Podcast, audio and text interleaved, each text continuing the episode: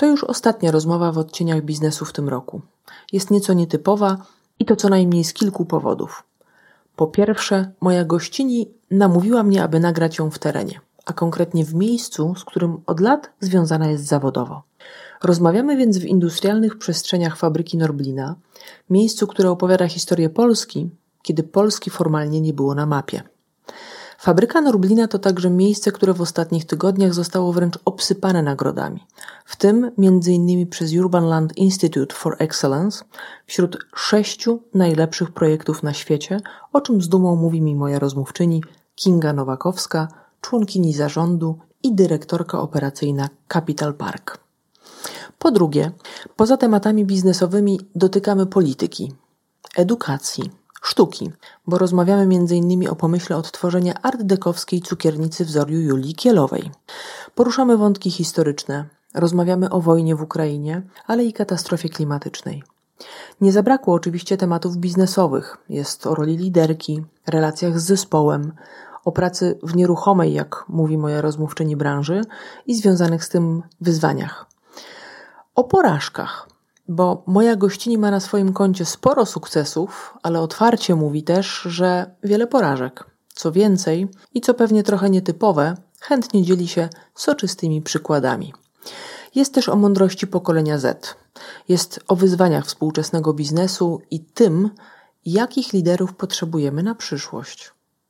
Moją rozmówczynię pytam, czy kobiety i mężczyźni mają równe szanse w biznesie i jaką wartość wnoszą do organizacji ale też czego możemy, a wręcz czego powinniśmy uczyć się od siebie nawzajem. To rozmowa, w której zastanawiamy się, czy permanentny wzrost gospodarczy na ograniczonych zasobach to na pewno najlepszy pomysł na biznes w najbliższych latach.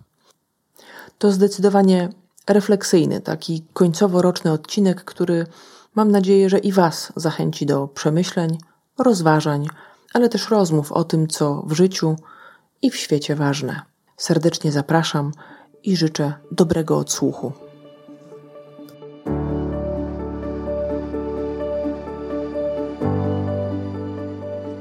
Dzień dobry.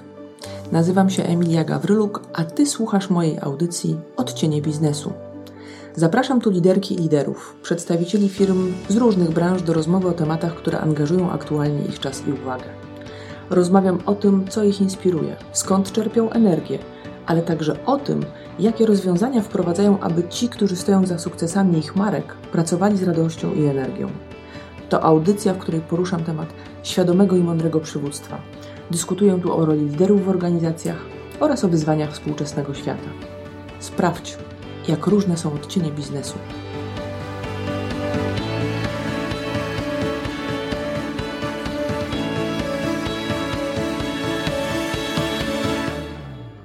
To dzień dobry, ja witam w kolejnym odcinku Odcieni Biznesu.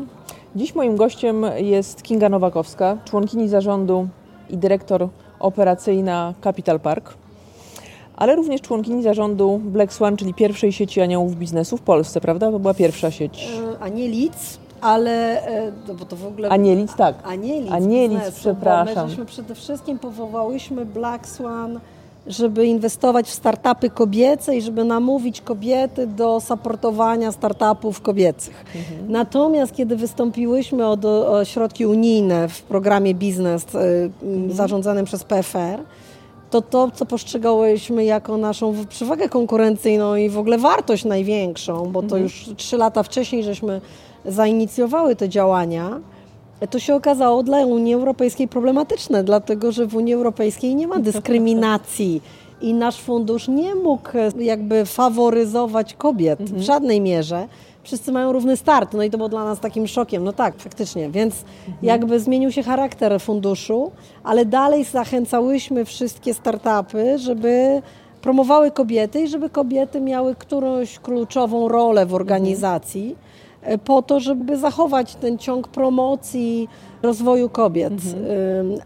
Niemniej nie mogłyśmy przyznawać środków e, firmom mhm. tylko dlatego, że są założone przez Aha. kobiety, a nie przyznawać tylko dlatego, że prezesem czy założycielem jest, jest mężczyzna. mężczyzna. Mhm. Czyli mówiąc krótko, z Anielic zrobił się po prostu... Po prostu, tak. Pier, tak, sieć tak. aniołów i Anielic biznesu. Tak, z tym, że dalej żeśmy projekty. mocno promowały inwestycje w środowisku inwestorek bo miałyśmy po prostu jakby historycznie dostęp do, mhm. do kobiet, które inwestują w, inwestują w startupy, co i było ewenementem. Mhm. Ja jeszcze dopytam, bo, bo to jest ciekawy wątek, ta taka chęć e, kobiety do promowania kobiet w biznesie. Czy e, w skład zarządu wchodziły same kobiety? E, w skład zarządu Black Swan tak, bo, to było, bo nas było cztery założycielki, więc mhm. tylko kobiety. I tak, jakby wywodziłyśmy się z pomysł w ogóle był moim pomysłem i zrodził się pod, jakby w projekcie, gdy byłam mocno zaangażowana w sieć przedsiębiorczych kobiet, który jest, mhm. która jest fundacją. Mhm. I tam bardzo mocno y, pomagałam założycielkom tej fundacji rozwijać w ogóle przedsiębiorczość kobiet. Mhm. I takim jedynym elementem, który właśnie brakowało w tej fundacji, to był pomoc kapitałowa, czyli mhm. inwestycja, która mogła pomóc dziewczynom, które mają fajny pomysł, pójść dalej. I stąd się w ogóle jakby zaczął pomysł inwestycji w startupy kobiece, mhm. a ponieważ na te wydarzenia sieci przedsiębiorczych kobiet przychodziło mnóstwo kobiet, mhm. ale nie tylko, ale oczywiście głównie. I one były takie zawsze cudowne energetycznie, mega były fajne konferencje. Zabił trochę ten, ten, ten koncept y, COVID i, mhm. i cała pandemia ale było to takie, taki moment po prostu naładowania baterii dla mnie. Uwielbiałam te ich, mhm. te ich konferencje i to, tam była tak pozytywna energia, a kobiety jeszcze, w odróżnieniu od mężczyzn, mają w ogóle potrzebę takich działań pro publico bono, takich działań społecznych, dzielenia się. I my żeśmy to wykorzystywały. Brakowało tylko mhm. elementu kapitałowego, takiego powiedzieć, dobra, masz fajny pomysł, to teraz idziemy dalej. Mhm. Tu są inwestorki, które ci dadzą na to pieniądze. No i Black Swan był odpowiedzią na tą potrzebę. Świetnie, natomiast ja nie wiem, czy to dobrze, że kobiety mają w sobie tą taką, to znaczy jakby tak zrównoważyć dobrze. ten element Tracą na to oczywiście. E, jakby go tak równoważyć, to znaczy, żeby pojawiał się ten aspekt, bo też trudno mi sobie go wyobrazić, że w którymś momencie go nie ma. To znaczy rzeczywiście, ja sama się w różne takie akcje też e, angażuję i Widzę, że jest tam więcej kobiet, chociaż mężczyźni również działają w taki sposób, ale to, co Pani powiedziała, mm, to jest rzeczywiście dość charakterystyczne, że dla kobiet gdzieś bardziej ta, ta działalność z odruchu takiego serca, chęci zmieniania świata, a ta część Myślę, przedsiębiorcza że... gdzieś jest y, odstawiana. Nie wiem, czy właśnie tak. Myślę, że trzeba promować tą część przedsiębiorczą. Niech ona mhm. idzie do przodu i niech się rozwija i to się dzieje chociażby widać to w Forbes Women, czy w wielu, wielu dziedzinach, tak. w ogóle też obecność kobiet na politechnikach, e, e, wśród wynalazczyń i tak dalej. Myślę, że, że to jakby już młode dziewczyny, kosmos dla dziewczynek, takie fajne wydawnictwo, tak. przyszłe pokolenia to już w ogóle będzie normalnie. Natomiast nie zaprzepaszczałem tego naszego kapitału z chęci dzielenia się. Mhm bo takie prospołeczne działania są niezbędne i myślę, że wręcz tutaj raczej bym zrobiła tą pracę zachęcającą mężczyzn do, do takich do działań. Się, tak. tak, oczywiście, dla siebie nawet, dla nas, no, dla nas wszystkich, więc e, tak jak kobiety powinny rzeczywiście jeszcze trochę popracować nad taką dynamiką przedsiębiorczą i wiarą w siebie i większą może e, odwagą mhm. w, w, tym, co robią, tak mężczyźni powinni popracować nad dzieleniem się swoim sukcesem i swoją wiedzą. Tak, każda ze stron ma jakąś lekcję do, do odrobienia, ale tak, ja myślę sobie, że taki świat idealny byłby, gdyby jedna i druga strona tę pracę wykonała.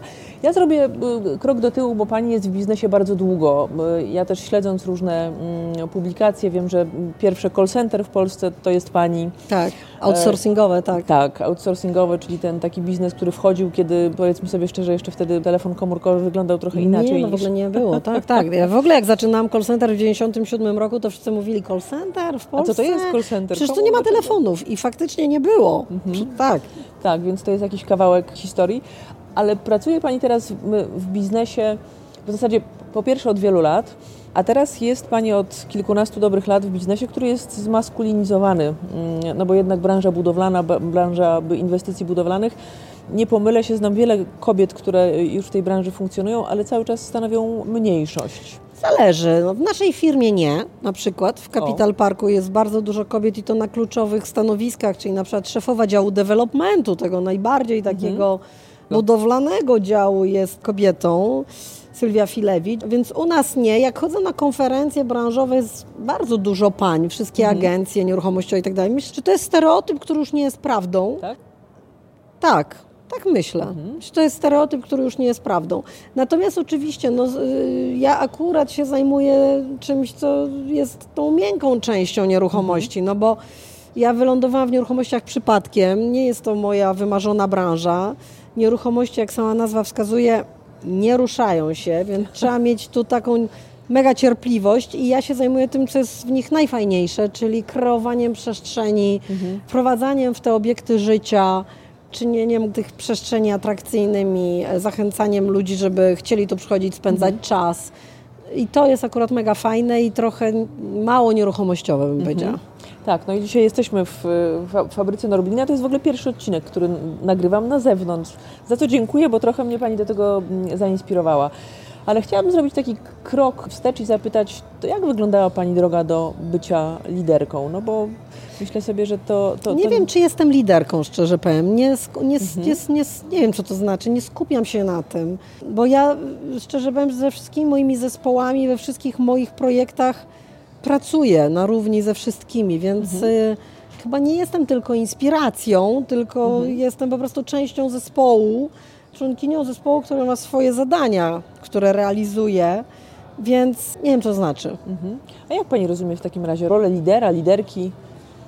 Myślę, że gdybym zrobiła jakieś przedsięwzięcie sama od A do Z, które by miało szansę pociągnąć ludzi gdzieś dalej, bo ostatnio czytałam taką świetną książkę Zacznij od dlaczego, bardzo mhm. ją polecam, to może wtedy Cinek. bym, tak, tak, może wtedy bym się poczuła liderką. Ja jestem po prostu na jakimś tam wyższym stanowisku, ale moje wyższe stanowiska nigdy się nie wiązały z takim poczuciem bycia, nie wiem, prezeską czy członkinią zarządu, która mnie zwalniała z jakichś zadań. Jak zaczynałam jako dyrektorka generalna call center Poland, to mhm. zaczynałam od skręcania biurek w tych call mhm. center, bo ktoś musiał to zrobić, a, a ja miałam dwóch pracowników, jeden poszedł na pocztę, drugi gdzieś tam, no i ja akurat mhm. skręcałam biurka, więc e, jak zaczynałam Bastylię, e, no to, to, to, zajmowałam się tam wszystkim też, a przez wiele lat robiłam zakupy do Bastylii dwa razy w tygodniu osobiście w Żeą, mhm.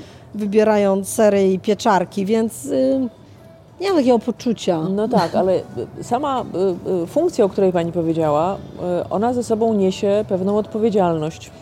Tak. I tutaj już trudno mówić o tym, że to jest taka równość w zespole, tak, no bo jednak tak. ten, ten, ten wzrok ludzi spogląda na Panią i mówi, no dobra, jak jest trudno, to co robimy? Tak, no to akurat na pomysł, co robimy, jak jest trudno, to rzeczywiście to przychodzi mi dość łatwo. To znaczy, mhm. po pierwsze się nigdy nie poddaję, albo nie pamiętam, a po drugie, yy, tak, zawsze mam jakiś pomysł, co jeszcze możemy zrobić. Mhm. Ale one oczywiście też słucham pomysłu innych. Myślę, że akurat głupio to powiedzieć. Trzeba by zapytać ludzi, którzy ze mną pracują. Mhm ale ku mojemu zaskoczeniu wielokrotnie słyszę bardzo dużo ciepłych słów na swój temat, mimo że jestem super wymagająca i rozliczająca mhm. moich pracowników, to jednocześnie razem z nimi walczę, razem z nimi szukam mhm. rozwiązań, słucham ich rozwiązań, ich pomysłów, próbuję też je wdrażać, a przede wszystkim chyba też robię coś, co jest rzadkością, czyli przyznaję się do błędów. Mhm. Więc, nie jest to szczególnie częsta cecha. Tak, w ogóle nawet bym powiedziała, nie, zrobię chyba niedługo post, bo się do tego przymierzam, o porażkach, bo uważam, mhm. że porażki są w ogóle najfajniejsze. Mhm. Co nie znaczy, że chcemy je ponosić, tylko że one po prostu, nas, że no, sukcesy są banalne, a, a mhm. porażki są wow, tyle się można nauczyć. I tyle zmian jest po porażkach, to jest cudowne. Ja, ja, mam takie pytanie na liście o porażkach, ale zanim o porażkach, to jesteśmy w fabryce Norblina i w ogóle ten koncept, to co się dzieje tutaj, to co jest też w dużej mierze no, z Pani pomysłu gdzieś, z pomysłu pewnie ludzi, Sporo pomysłów, pracuje, tak, tak. tak. Ostatni czas to jest mnóstwo nagród. Tak, wysypało się na nas, na nas, szczerze powiem, deszcz e, nagród i tak jak na początku nie wygrywaliśmy nic, to mam tak trochę, hmm, no ale przecież to tak fajnie.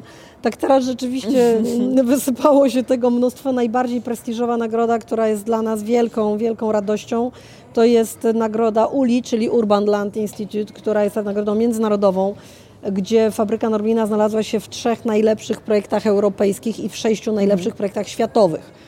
no to to było wow. Tym bardziej, że to jest taka tak. nagroda, że nie ma, że my tam zapłacimy za reklamę albo kupimy stolik na gali, tylko jest po prostu głosowanie międzynarodowego jury, a wcześniej oni w ogóle przyjechali tutaj, spędzili tu mhm. sporo czasu, spotkali się z naszymi najemcami, zadali tony pytań, myśmy mhm. na to bardzo długo odpowiadali i to zrobili dla wszystkich projektów, mhm. a jednocześnie zostaliśmy wybrani w szóstce najlepszych projektów światowych roku 2022, więc to była naprawdę dla mhm. nas bardzo prestiżowa nagroda i poczuliśmy się naprawdę dumni.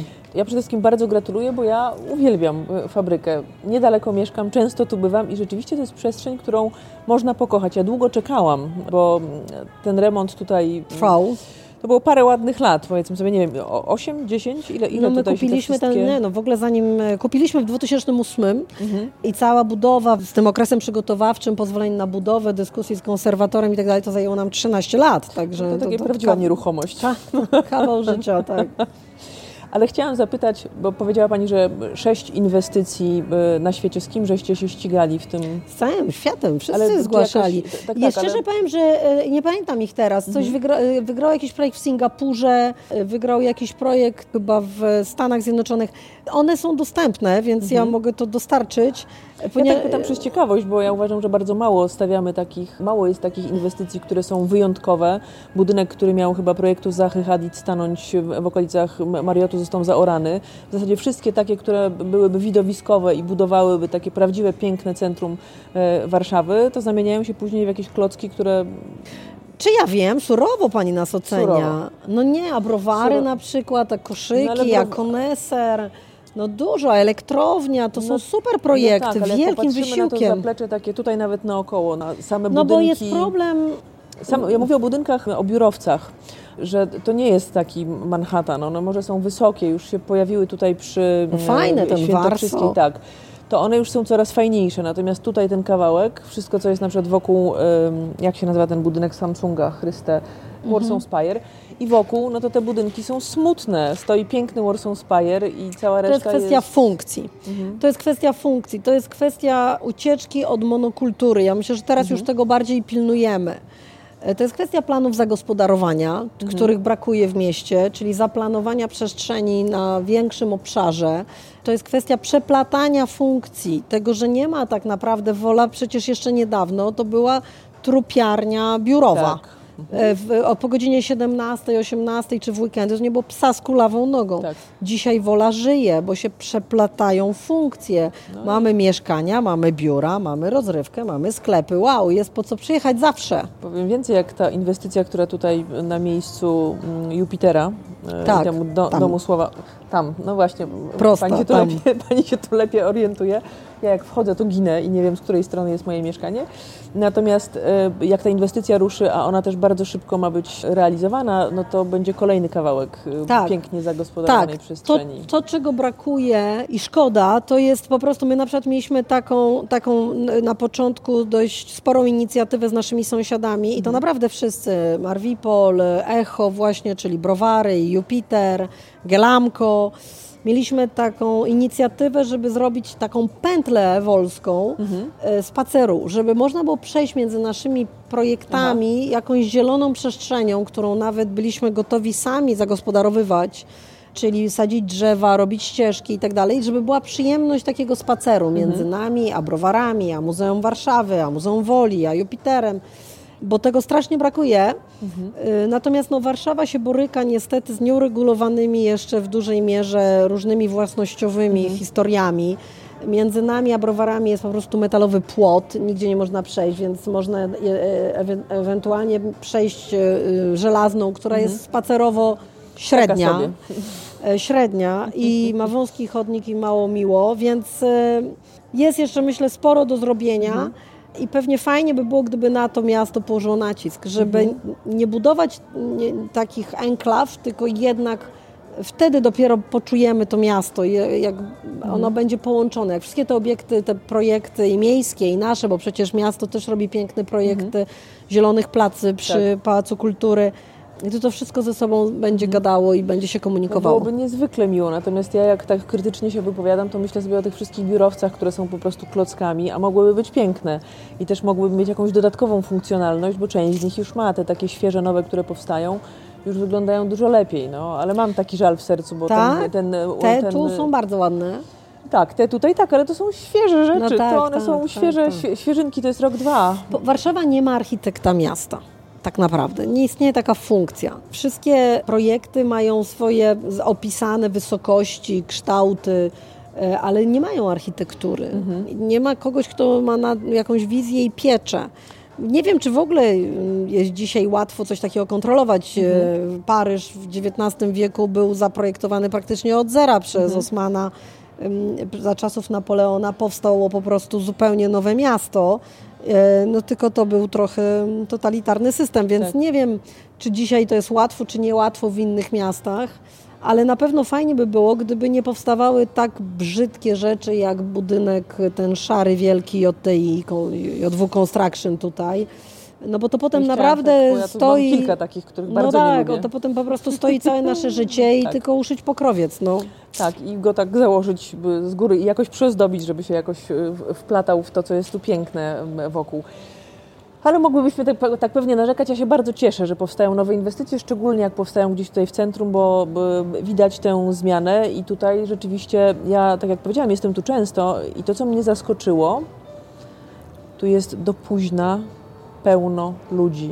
Tak, Jest znaczy. Norblin w ogóle od początku, kiedy żeśmy się zajęli jego komercjalizacją, to chcieliśmy, żeby to było trochę spójne z e, kilkoma rzeczami. Po pierwsze z 15-minutowym miastem, czyli żeby Mhm. tu można było jak najwięcej rzeczy załatwić i, i żeby to odpowiadało na potrzeby też okolicznych mieszkańców maksymalnie.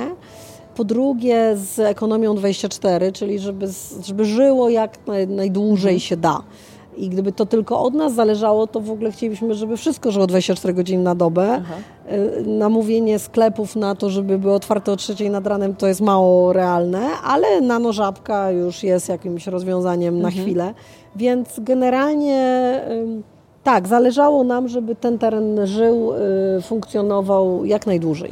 Ja mogę tylko potwierdzić, że jak się tu wpada, to można. Ja większość rzeczy jestem w stanie tutaj załatwić. Też bardzo chętnie się tu spotykam, z, też biznesowo, bo to jest po prostu przyjemne miejsce, ale też ze względu na tę różnorodność, która tu jest. Ale jeszcze będzie większa, bo się otwiera A. Moxo, super e, No, klub, restauracja już za sekundę, a potem na rogu jeszcze otworzy się fantastyczna libańska restauracja. Mhm. Więc tak jak dzisiaj są już oczywiście sporo konceptów, no to te dwa koncepty myślę są jeszcze takim game changerem. Mhm. Super. Ja tylko czekam. Wczoraj przechodziłam obok Moxo i to już jest chyba końcówka, Tak. bo tam już wykańczają przestrzeń i rzeczywiście to jest potężna hala. Więc czekam cierpliwie. Wrócę trochę do tego zespołu i do tej kooperacji, bo te liderskie kwestie niezwykle mnie interesują, a jeszcze jak mówi Pani, że jesteście zróżnicowani i tych kobiet jest tak dużo, jak wygląda Pani zespół? Mój zespół to jest zespół asset managerów i ja się zajmuję głównie zarządzaniem naszymi obiektami oraz e, marketingiem tych obiektów, czyli i PR-owsko, i marketingowo komunikacją o wszystkim, co tu się dzieje, e, ale też o kreowaniu tego, co tu się dzieje, czyli nie tylko informowaniu o tym, ale jakby wymyślaniu różnych działań, które są spójne z tożsamością danego miejsca. Ja w ogóle bardzo dużo mówię o tożsamości, bo mamy staraliśmy się zawsze, żeby każdy z naszych obiektów był różny i żeby na czym innym się w nim skupić. I oczywiście to też się wzięło z tego, czym były nasze obiekty. Inaczej, że się zajmowaliśmy Eurocentrum, budynkiem przy dworcu zachodnim. Inne pomysły mieliśmy na budynek Royal Villanów w Wilanowie, który stał się swoistym rynkiem tak naprawdę.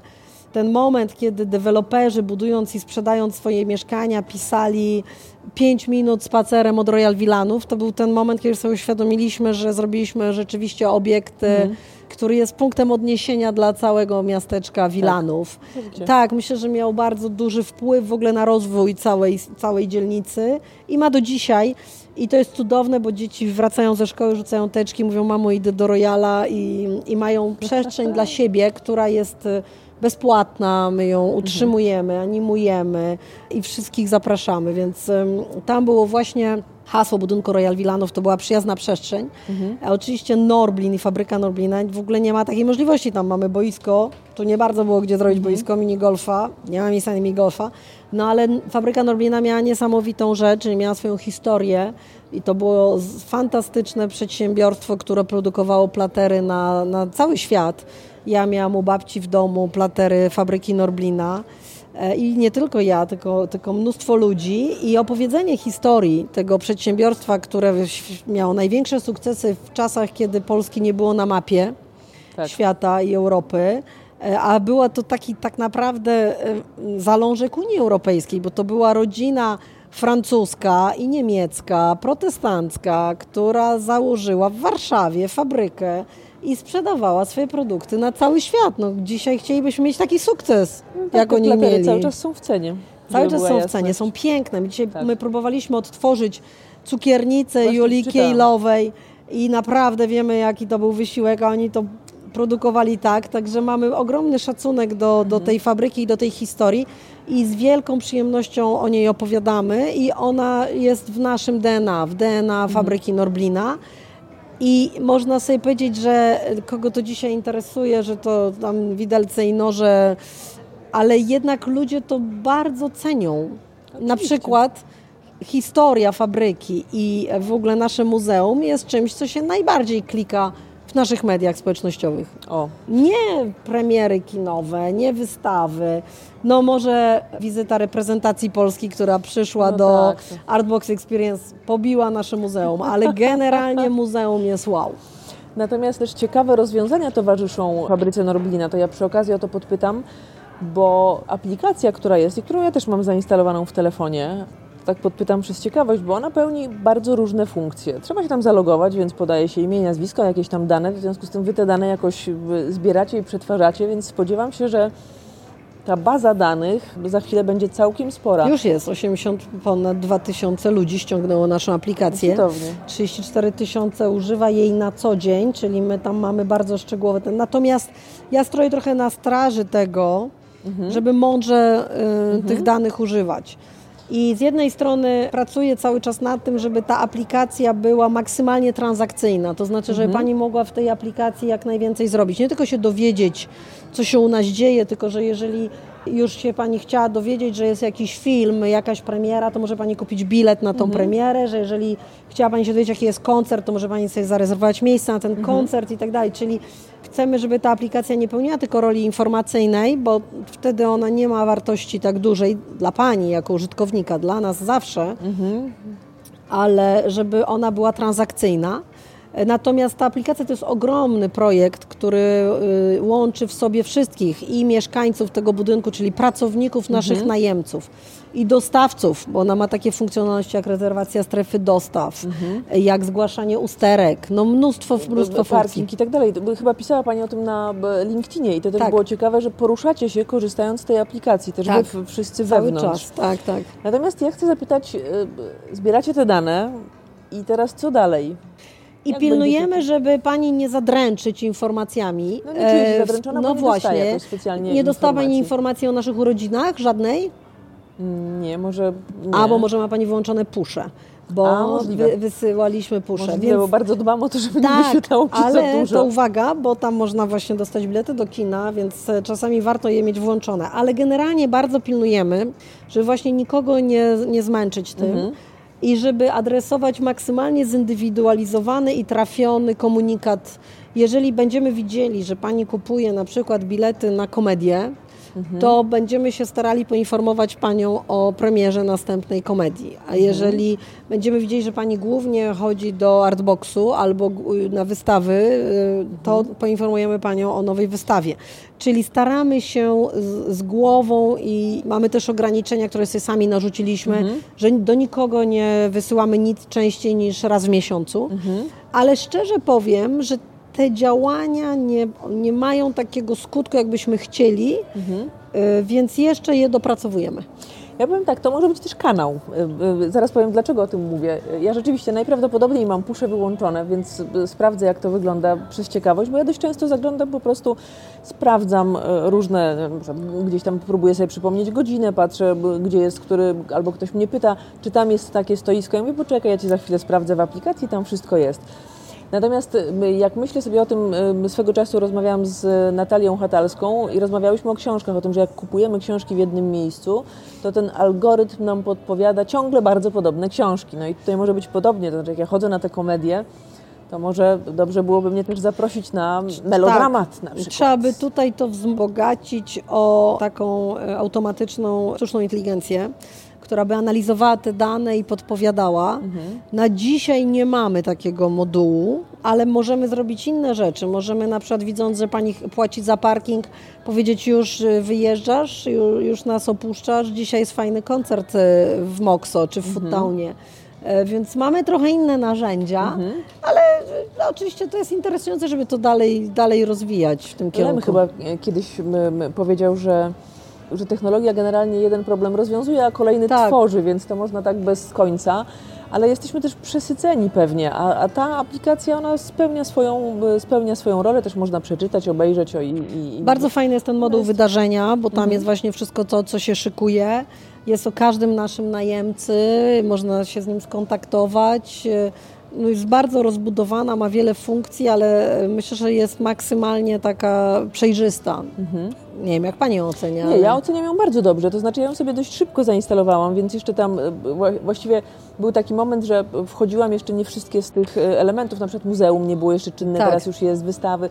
To się rozrastało. Tak, tak. Poza tym, e, jak na przykład Panią wylegowujemy, to znaczy, że robimy jakiś upgrade. Tak. Więc to się jeszcze ciągle zdarza. Jeszcze, jeszcze pracujemy nad mhm. nią. Jeszcze. Ale ja jestem tu regularnie, natomiast to jest też ciekawe, bo to powiem tak, ja nie wiem, czy jestem w, niszy, czy nie, ale staram się już nie instalować w telefonie różnych aplikacji, tam sieci i tak dalej, bo później wiem, że tego nie używam, tam gdzieś tam zalega. W, no właśnie to, żeby Pani używała naszej aplikacji, to jest to, na czym mi najbardziej zależało. Mhm. I to cała aplikacja była wymyślona, no, ja byłam mocnym jej inicjatorem, i prowadziłam ten projekt przez dwa mhm. lata, ale bardzo dużo doświadczeń zebrałam z naszej aplikacji w Royalu, właśnie mhm. w, w Royal Villanów, która ma właśnie tylko funkcje takie mhm. informacyjne i widziałam, że ludzie nie bardzo ją używają, no bo mhm. to, żeby sprawdzić właśnie, do której jest lodowisko czy coś, to można na Facebooku, jest po prostu mhm. wiele narzędzi, gdzie można się tego dowiedzieć, a mieć aplikację czy ją w telefonie, to trzeba mieć dobry powód, żeby ją tam mieć, bo tak, sama tak, nie używam za dużo aplikacji. No, Więc dlatego się skupiliśmy na tym, e, żeby było na tyle dużo transakcji, które Pani może tam autentycznie mhm. do końca zrobić, żeby warto było ją mieć. Tak, I, i chyba tak jest, szczerze mówiąc, bo ja e, staram się rzeczywiście czyścić ten swój telefon i nie instalować za specjalnie, ale w ogóle... ta zostaje. Tak, ale myślę no sobie, to super jest, komplement Tak, nas. ja myślę sobie, że jest w tym jeszcze coś takiego, że ja po prostu, w ogóle ludzie, ludzie, których tutaj zapraszam do fabryki, e, dobrze się tu czują i myślę sobie, że jak się ma dobrą energię, a to energia nas tu przyciąga, to, że się znajdujemy, ja mam tu kilka takich miejsc, w których po prostu lubię się spotykać. Jest włoska knajpa, w której bywam e, e, regularnie i w której dzisiaj też na przykład zjem taki nie wiem, obiad czy wczesną kolację. Jestem tu regularnie, znam niektóre miejsca i po prostu dobrze się tu czuję. I Super. myślę sobie, że to jest też pewnie ta kwestia, taka emocjonalna, która powoduje, że e, czekam na to, co się będzie działo. Ja też kibicowałam bardzo, jak się rozrastał biobazar, bo najpierw było kilka tylko straganików i można było zrobić zakup, ale powiedzmy, że w bardzo ograniczony sposób, a w tej chwili można po prostu przyjść. Tak. Ja tu jestem. Zapraszamy na urodziny. A kiedy będą? Teraz, teraz już są w tym tygodniu, jest bardzo dużo nagród. No, w sobotę będzie tort o 12, są 12 urodziny, więc wszystko jest o 12. Jest 120 nagród e, najróżniejszych do zdobycia i naprawdę myślę, że dużo fajnych rzeczy się dzieje. Zapraszamy. No to cudownie, to na pewno będę, to znaczy y, ja tu jestem regularnie. Powiem y, więcej, że pierwszy bilet jaki dostałam, to dostałam y, na którymś stoisku w ubiegłym roku do kinogramu, A. bo był taki moment promocyjny, że za zakupy tam powyżej tak. jakiejś kwoty był E, bilet i to było niezwykle Super, to też będziemy robić. Pracujemy teraz nad taką kartą lojalnościową w aplikacji, mhm. która umożliwi jakby wydając tu w różnych konceptach pieniądze, będziemy zbierać punkty i będą nagrody w różnych konceptach. Mhm. Czyli chcemy zrobić taką aplikację maksymalnie cross promującą różne koncepty, bo tu się tyle dzieje, że warto sobie móc powybierać różne nagrody. Więc e, ja nie jestem w ogóle znowu taka lojalnościowa, nie biorę udziału w tym wszystkim, więc znowu zrobienie tego tak, żeby to działało, będzie dla nas kolejnym ciekawym projektem. Natomiast miejsce się trochę kończy, w sensie y, jest zagospodarowane, y, nowe restauracje i nowe miejsca y, są już zagospodarowane i co dalej? To znaczy, co się będzie działo z fabryką?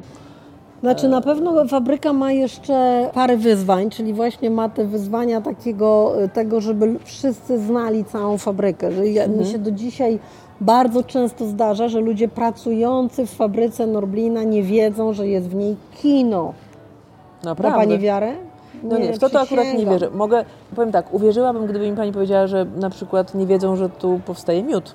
Nie, nie wiedzą, że jest kino. Na przykład. Tam miód to, to już na pewno nie wiedzą. Tak, ale no ja na przykład wiem, miód, ale... ale... tak, tak, ale nie, nie wiedzą, że Ale jest że kino. kino? Tak, Przecież to jest nie jedyne wiedzą, takie że jest kino. kino. nie wiedzą, że jest ta multisensoryczna galeria sztuki i co się w niej dzieje. Że jest Muzeum Mnóstwo-. Też nie wiedzą, też nie wiedzą. Więc moje zadanie największe teraz i myślę, że to jeszcze chwilę potrwa, to jest Aha. to, żeby wszyscy, którzy lubią to miejsce i na niego przychodzą, wiedzieli, co tu jest, co, Mhm. co, co tu się dzieje.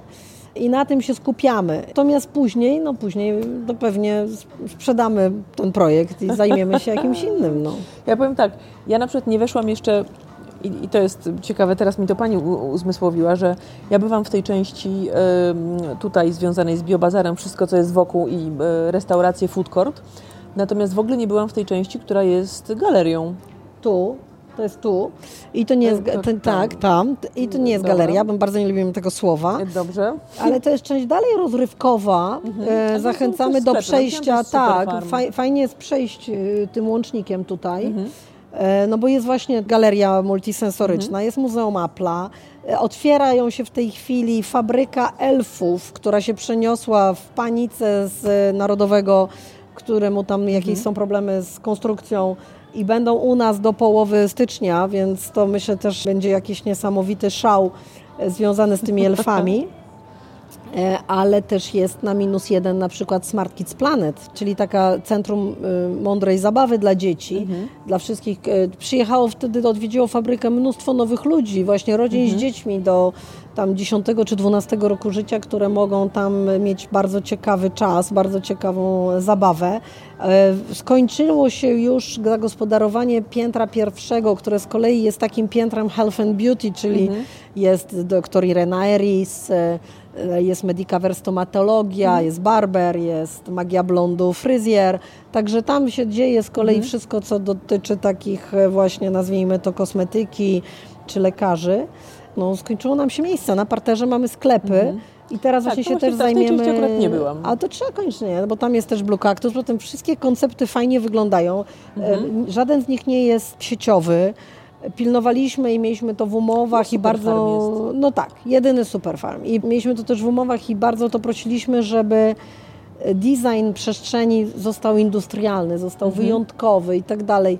Warto to, przejdę, zobaczyć. Natomiast ja w ogóle nie lubię chodzić po sklepach, szczerze mówiąc, naprawdę. I jak sobie pomyślałam, a, taka, właśnie Nie. dlatego użyłam tego sformułowania galeria, bo zobaczyłam tak z oddali Superfarm, bo ja przechodzę tą częścią tu od karuzeli, wchodzę na biobazar na, najczęściej. No to raz Ja w lewo. Sobie, tak, i chyba pójdę, no zobaczę. Z Tu można wejść naprawdę zobaczę. tym łącznikiem i sobie zjechać na dół i już mieć pojęcie. Ale wrócę do tych takich rzeczy, m, powiedziałabym, zarządczych, czy takich organi organizacyjnych, związanych wprost z biznesem, bo chciałabym trochę podpytać, to jak to jest, jak, jak Pani sobie dobiera ludzi do zespołu? Bo to wcale nie jest takie łatwe. Nie jest. E, Nie jest łatwe, ale akurat em, w dziedzinie, e, że tak powiem, zarządzania nieruchomościami, to tutaj no, wiele osób jest z nami wiele, wiele lat. W Capital Park już będzie miał swoje dwudziestolecie w 2023 roku, więc trochę razem żeśmy pracowali przez wiele lat, razem żeśmy się tego biznesu uczyli. Na pewno ja miałam takie zawsze nietypowe podejście przez to, że nie, nie, nie pochodzę z nieruchomości, tylko pochodzę z obsługi klienta w call center i pochodzę właśnie z takiego budowania wartości, przede wszystkim chyba jakości też usług. Bardzo mi na tym zawsze zależało i kładłam na to e, ogromny nacisk i to z kolei spowodowało, że jakby zatrudniając zespół taki mega nieruchomościowy, który się z- zna na zarządzaniu nieruchomościami, wprowadziłam do niego taki właśnie powiew wiatru, obsługa klienta, marketing, rzeczy muszą być ładne, estetyczne, przyjazne. To, że tu jest na przykład taka przestrzeń, w której my sobie tutaj siedzimy, mhm. której można przyjść o każdej porze, popracować, jest internet, popatrzeć na obrazy, galeria jest tak. otwarta, dostępna. To są wszystko trochę moje pomysły, które mhm. patrząc też po sukcesie Royal Villanów, czym więcej jakościowej przestrzeni da się ludziom bezpłatnie, mhm. nie oczekując jakby od nich tego, że oni wydadzą w niej pieniądze, tym bardziej dane miejsce jest doceniane, lubiane i tym mhm. bardziej ludzie przyjdą wydać w nim pieniądze. Mhm. A skąd inspiracje? Skąd Pani czerpie inspirację? Ze świata. Ze świata. Ja bardzo dużo podróżuję, a poza tym... Ale też pracowała Pani, prawda? Pracowała Pani za granicą Mieszkałam. W, mieszkałam 9 lat we Francji. Mhm. Dużo podróżuję. Tak. I, I myślę, że takie niestandardowe po prostu podejście, żeby... Mhm. Staram się robić rzeczy fajne, fajniejsze mhm. niż, niż inni. No i to się, powiedziałabym, że to się nawet udaje.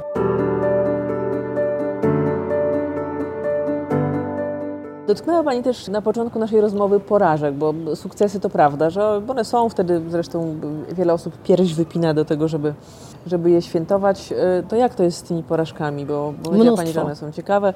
Mnóstwo porażek, to proszę powiedzieć coś więcej. To, jak to z no lista jest? jest tak długa, że, że to jak, jakaś ktoś kiedyś fajnie powiedział, tak. że to w ogóle jest bardzo fajnie.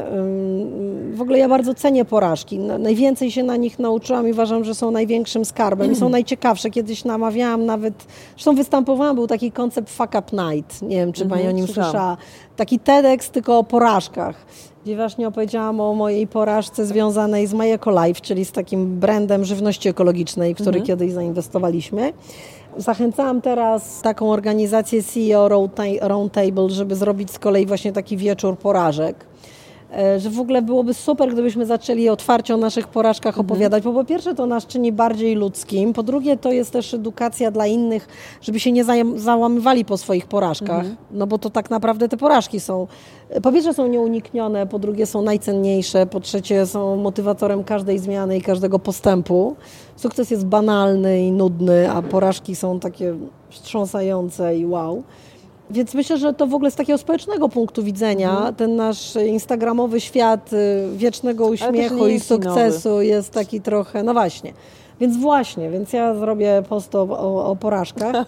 E, natomiast, no więc te porażki są super, ale ważne, żeby ta gumka na końcu ołówka się nie starła tak mhm. zupełnie. Więc e, trzeba się przede wszystkim na nich uczyć i to nie bać się tej nauki. Tak. Więc porażek miałam mnóstwo, łącznie z bankructwami firm, w które zainwestowałam. No to chyba call center, e... prawda? Ono... Nie, bo call center nie, żeśmy call center sprzedali z ogromnym sukcesem. Ono było dwa razy na granicy bankructwa. Tak, ale właśnie pamiętam, że to było takie tak, ups and tak, downs. Tak, tak, tak 11 lat je budowaliśmy. to położył, tak dobrze pamiętam? E, Kanał Plus odchodząc postawił nas w bardzo trudnej sytuacji, bo, bo tak z dnia na dzień straciliśmy ogromnego klienta, który stanowił mhm 30 parę procent naszego biznesu i no to tak, spowodowało, że po raz drugi byliśmy na granicy bankructwa, bo dwa razy byliśmy. No bo biznes jest w ogóle, przedsięwzięcia są w cyklach i tak. trzeba to pamiętać. Zamknięcie Bastylii jest jakąś tam porażką, bankructwo firmy Invipay jest porażką. No tak jak mówię, mam za sobą bardzo dużo porażek. No i właściwie nie ma żadnego problemu, żeby o nich opowiadać, bo mhm. każda z nich jest precyzyjnie wiem, czego się na niej nauczyłam, precyzyjnie wiem, czego już nie powinnam robić i precyzyjnie wiem, jakie popełniałam błędy. Mhm. Ja, czy mój zespół, czy strategiczne, czy... No i... A poda Pani jakiś przykład? Da się Pani namówić na takie fuck up story? No, no, na, no, na przykład Bastylia y, jest porażką, dla, skończyła się porażką. Miałam tą restaurację przez 13 lat. Tak, ona długo funkcjonowała I bardzo. uwielbiałam to miejsce, bo to był taki mój fragment Paryża pod arkadami na Placu Zbawiciela. Nie tylko pani. No właśnie, to był Champagne Bar and i tam jeszcze była dekoracja z polo, taka, taka końska, a ja gram w polo. Y, pomarańczowy kolor uwielbiam. E, i dodatkowo ten paryski klimat y, i naleśniki francuskie pyszne z szampanem we wkliko, wszystko co kocham. No ale po pierwsze e, właśnie po pięciu latach musiałam ją mhm. zrobić taki rebranding i wymyśleć ten na nowo i byłam dumna, że mi się to udało. Ktoś tam mi coś podpowiedział mhm. i, i bardzo fajnie to, to poszło. Ale przegrałam sprawę tak naprawdę, um, uważam, że niesłusznie z konserwatorem zabytków. Konserwator nakazał mi rozbiórkę zabudowy arkad. Mhm. Z powodu tego, że ten budynek, jego zdaniem, był wpisany do rejestru zabytków. Mhm. Ja wydałam fortunę na różnego rodzaju ekspertyzy, że ten budynek nie był wpisany do rejestru zabytków, że to oś Stanisławowska była wpisana do rejestru mhm. zabytków, że kiedy ten wpis do rejestru zabytków powstawał, to tych arkad w ogóle nie było i tego budynku. I wydawało mi się, że po prostu, a jeszcze jestem prawnikiem z wykształcenia, więc wydawało mi się, że po prostu nie ma szans. Na pewno nie ma szans. Mhm. Wygramy. No i przegraliśmy i to w trzeciej instancji, czyli o, nawet w sądzie najwyższym. No to już stwierdziłam, no porażka. I, ale tam jest teraz knajpa. Knajpa jest, ale właśnie przeczytałam, że dosłownie tydzień temu nakazali im wszystkim rozbiórkę zabudowy tych arkad, bo oni jeszcze wszyscy zostali wiele, wiele lat, przez tak. pięć lat chyba po mnie, bo to już z pięć lat minęło, bo postępowanie o rozbiórkę tych arkad, tej zabudowy było przeciwko Bastylii. Jak Bastylia się wyprowadziła i następny najemca przejął mm. to, to przeciwko niemu nic nie było. Więc on został tak. jakby... I od początku to samo postępowanie. Myślę, że to nie jest y, y, dobre, że te restauracje mhm. tam umrą, że w ogóle Plac Zbawiciela na tym ucierpi, że lepiej by było, gdyby jakiś architekt miasta, gdyby był, mhm. usystematyzował zabudowę tych arkad mhm. i się mhm. na nią zgodził w jakiejś estetyce, w jakimś... Y, przecież jak się będzie do Rzymu, to tam, nie wiem, tysiącletnie zabytki mają piękne, nowoczesne przeszklenia i to super wygląda, więc y, no po prostu takie upieranie się, upieranie się, że nie wolno, bo nie, bo, bo zabytek uczyni to tym, że ten zabytek po prostu będzie tam niszczał, bo za chwilę, bo tak naprawdę to ja i inni najemcy odrestaurowałam te arkady, mhm. pomalowałam, zadbałam o nie, bo tam był brud i smród i, i znowu tak będzie, więc myślę, że ta że trzeba jednak zadbać o to, żeby taka kontrola nad zabytkami i e, dbanie o nie prowadziły raczej do rozwiązań typu e, dzisiejsza fabryka mhm. Norblina, tak. niż do rozwiązań zabytkowa kamienica na Łódzkiej, która jest po raz czwarty podpalona i jest tak. po prostu ruderą straszącą i nikt z nią nic nie zrobi, mhm. bo to się w ogóle nie ma racjonalnego, ekonomicznego mhm. sensu, więc to jest taki trudny wątek. Na pewno miłośnicy zabytków, ci prawdziwi to rozumieją, a są z kolei tacy, którzy no nie rozumieją, bo uważają, że to są skanseny, że to powinno zostać tak, jak jest. Mhm.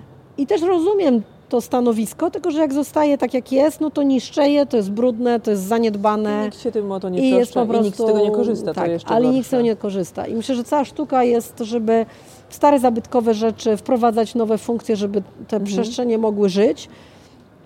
No oczywiście poza Panteonem w Grecji, który tak. zostaje Panteonem. No. no. Ale są miejsca, które można zwiedzać, ale są miejsca, z których można po prostu korzystać, tak? I, i no tak właśnie. by mogło być. Tak mi się wydaje. I akurat tych arkad na Placu Zbawiciela to szkoda, bo, mhm. bo jestem przekonana, że te knajpy, większość z nich e, tracąc tą przestrzeń nie, nie przeżyje. Mhm.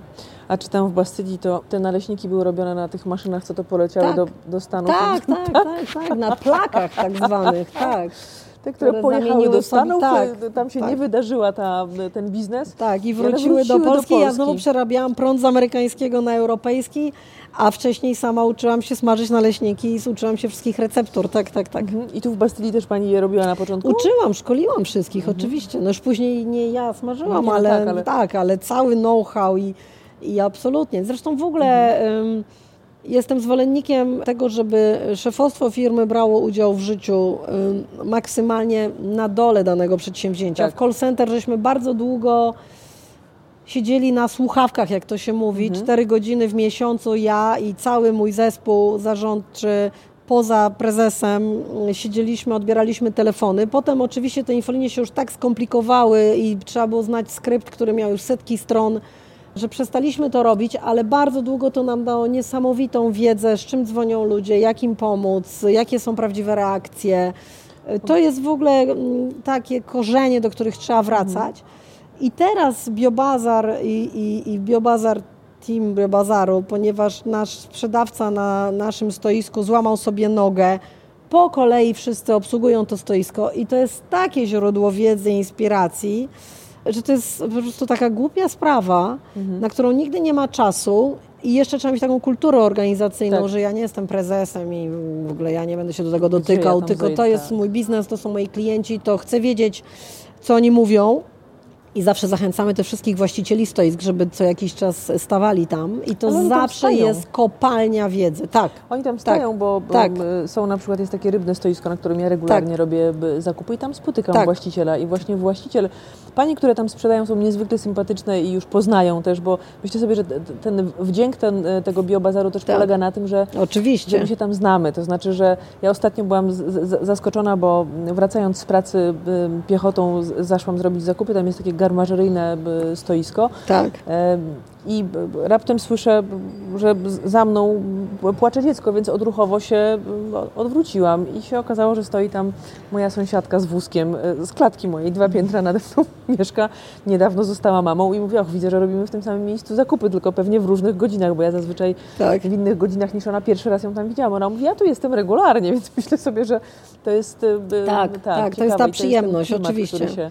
Który się, tutaj No i też prawda jest taka, że my śledzimy statystyki sprzedażowe tych stoisk, e, Mhm. zajmując się tym, tym biznesem. I właściciel zawsze sprzedaje najlepiej. Kropka. Tak? Zawsze. Ja myślę sobie, że to I nasze dziewczyny z Bioba, my ma, mieliśmy, czy mamy super salesmana na stoisku serowym na Ecolife, który super sprzedaje, ale jak stanęły nasze dziewczyny, to sprzedały więcej. Ja natomiast, jak rozmawiałam z Michałem Sadowskim, szefem Brand24, ym, oni zaczynali jako startup i on też mi powiedział, że bardzo często najtrudniejsze y, tematy, tak mówiąc kolokwialnie, bierze na klatę, ale też mówi, y, stara się być cały czas w kontakcie z klientami, patrzeć co się dzieje, bo to mu daje takie prawdziwe czucie biznesu. Tak, tak, tak. E, tak. Więc y, w tym coś jest, natomiast tu jest w ogóle ta relacja, którą się nawiązuje po prostu face to face, więc to jest w ogóle inny Ale to się chyba, klimat. nie ma chyba biznesu, w którym, którym nie można tego robić. No nie wiem, znaczy... tak, myślę sobie, że nie, warto go nie robić, bo jednak cały czas nawet y, jak mówimy o biznesie w tej chwili, to kiedyś się mówiło o B2B, B2C, cały czas to funkcjonuje, ale coraz częściej mówimy o tym wymiarze człowiek z człowiekiem, tak. że my robimy biznes z tymi, z których lubimy, do których mamy sympatię, y, Tak, ci, z którymi, gdzie możemy zbudować jakąś relację, zaufanie i Tak, tak ale dalej. pani, firmy wydają fortunę na badania. To wystarczy czasami stanąć na stoisku i zapytać swojego klienta i już wiemy. To, to, to nie, Tak. jakby badania badaniami, grupy fokusowe, tru, tu, tu, tu, ale to po prostu jest na wyciągnięcie żywo. ręki. To prawda. A proszę powiedzieć, jak patrzy Pani na to, co się dzieje, bo teraz mówimy, nadchodzi kryzys. No, czym E, więcej będziemy tak mówić, to tym większy on będzie. E, Ja właściwie nie wiem, bo przyznam się szczerze, że ja jestem, ja 15 lat pracowałam w logistyce i ostatnio miałam taką dość ciekawą rozmowę, bo kiedyś PMI był takim pulsem, to znaczy jak ten PMI spadał, to poniżej 50 to już się mówiło, że zaczyna się coś dziać i trzeba bardzo uważnie patrzeć. W tej chwili on jest chyba na poziomie tam, nie wiem, 42 czy tam 1,5, to nie ma większego znaczenia. A co to jest PMI? PMI to jest ten indeks, który pokazuje, jak się ma gospodarka. Okej. Natomiast żadne wskaźniki tego na razie nie potwierdzają i mówi się, i to jest ciekawe, bo nie jest Pani pierwszą osobą, e, którą o to pytam, mówi się, że wchodzimy, no bo tak, wysoka inflacja i że zbliża się kryzys. Niektóre firmy się do tego przygotowują i mówią kwestie energii, wygaszają na przykład albo przygotowują się do zatrzymania linii produkcyjnych. Część z moich klientów już mówi, na pewno to zrobimy, przygotowujemy mm, rozwiązania pod to, jak zagospodarować ludzi, żeby ich nie zwalniać. Więc ten kryzys jakoś pojawia się, chociaż chciałabym, żeby go nie było. E, Ja go jeszcze jakoś bardzo intensywnie nie czuję, ale y, on funkcjonuje i o nim się mówi, więc my, nie wiem, czy wywo, wywo, wywołamy go głosem, ale myślę sobie, że żyjemy w takich czasach, w których mm, ta dynamika zmian jest na tyle duża, że y, no jest ciekawie, tak? że jest ciekawie. Co jest największym wyzwaniem z Pani perspektywy mm, w biznesie e, teraz? Właśnie przed tym spotkaniem z Panią miałam spotkanie z naszymi asset menadżerami właśnie Mhm. w fabryce Norblina. No i to, że my do dzisiaj, a mamy chwała Bogu tam końcówkę listopada, nie wiemy ile będzie kosztowała energia w przyszłym roku Tak. i nie wiemy, czy jesteśmy takim przedsiębiorstwem, czy innym i czy, czy, czy ile i, i nie możemy jej u nikogo zakontraktować, no to jest po prostu crazy.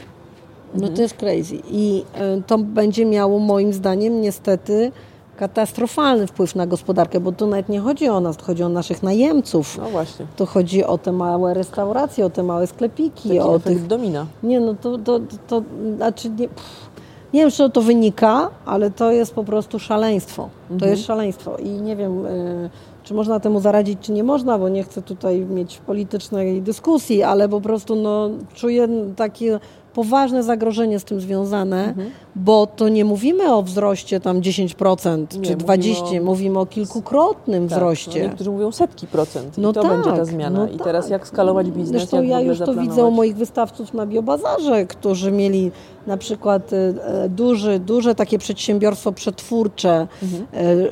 e, jakby warzyw i owoców. Miało 30 tysięcy złotych miesięcznie rachunku, a teraz ma 150. Już ich nie ma na Biobazarze. Także liczenie na to, że to jakoś się prześlizgnie i my tego nie zauważymy, no nie, myślę, że niestety wszyscy zbiedniejemy. To jest oczywiście znowu słynne słowo kryzys, to trochę tak jak ta porażka. To pewnie musi być, może to dobre będzie miało zmiany, może konsumpcja, którą nakręcamy też bezmyślnie, ona musi zastopować się w jakiś sposób. To może mieć dużo dobrych na koniec y, być może aspektów, no ale przeczołga nas to na pewno. Mhm. Natomiast no, kryzys czasami jest szansą. Właśnie chciałam zapytać, bo mówiło się lata całe, że żyjemy w środowisku WUKA, teraz mówi się o tym bani. Te wszystkie akronimy jakoś funkcjonują, no biznes ich pewnie potrzebuje, żeby jakoś, y, jakoś sobie tłumaczyć tą rzeczywistość. Natomiast y, na pewno możemy powiedzieć, że żyjemy w ciekawych czasach. Pani czuje, że to jest taki moment, w którym jest więcej y, szans czy zagrożeń? No nie chciałabym tutaj pesymistycznie, ale akurat patrząc, że dzisiaj pada śnieg, jest minusowa temperatura, a nie tak daleko od naszej granicy ludzie siedzą bez prądu, wody i ogrzewania. Patrząc na ostatnie raporty mówiące o katastrofie klimatycznej i przewidujące, że za 8 lat na Starówce w Gdańsku będzie woda, y, patrząc na statystyki y, w ogóle dramatycznego obumierania środowiska naturalnego, Szczerze powiem, że ciężko zachować taki e, optymizm, niezdrowy optymizm. Mam nadzieję, że się to wszystko poukłada, że my się jakoś wszyscy otrząśniemy, ale my musimy wszyscy zmienić nasze zachowania. Nie jest to łatwe niestety. No. Ja rozmawiałam nie tak dawno z y, byłym prezesem bardzo dużej organizacji. On powiedział, mówi, wiesz, ale cały czas firmy y, jednak y, są po to, żeby zarabiać pieniądze i nawet Gates, który inwestuje sporo środków w to, żeby rozwijać inicjatywy, rozwijać firmy, wspierać środowisko, napisał ostatnia książka, dotyczy klimatu. E, No ale jednak mówi, to cały czas firmy mają No zarabiać. w ogóle i ten wzrost z tym- gospodarczy, Tak. no właśnie, to permanentny na tych ograniczo- kurczących się zasobach, Zasobach. mamy cały czas rosnąć.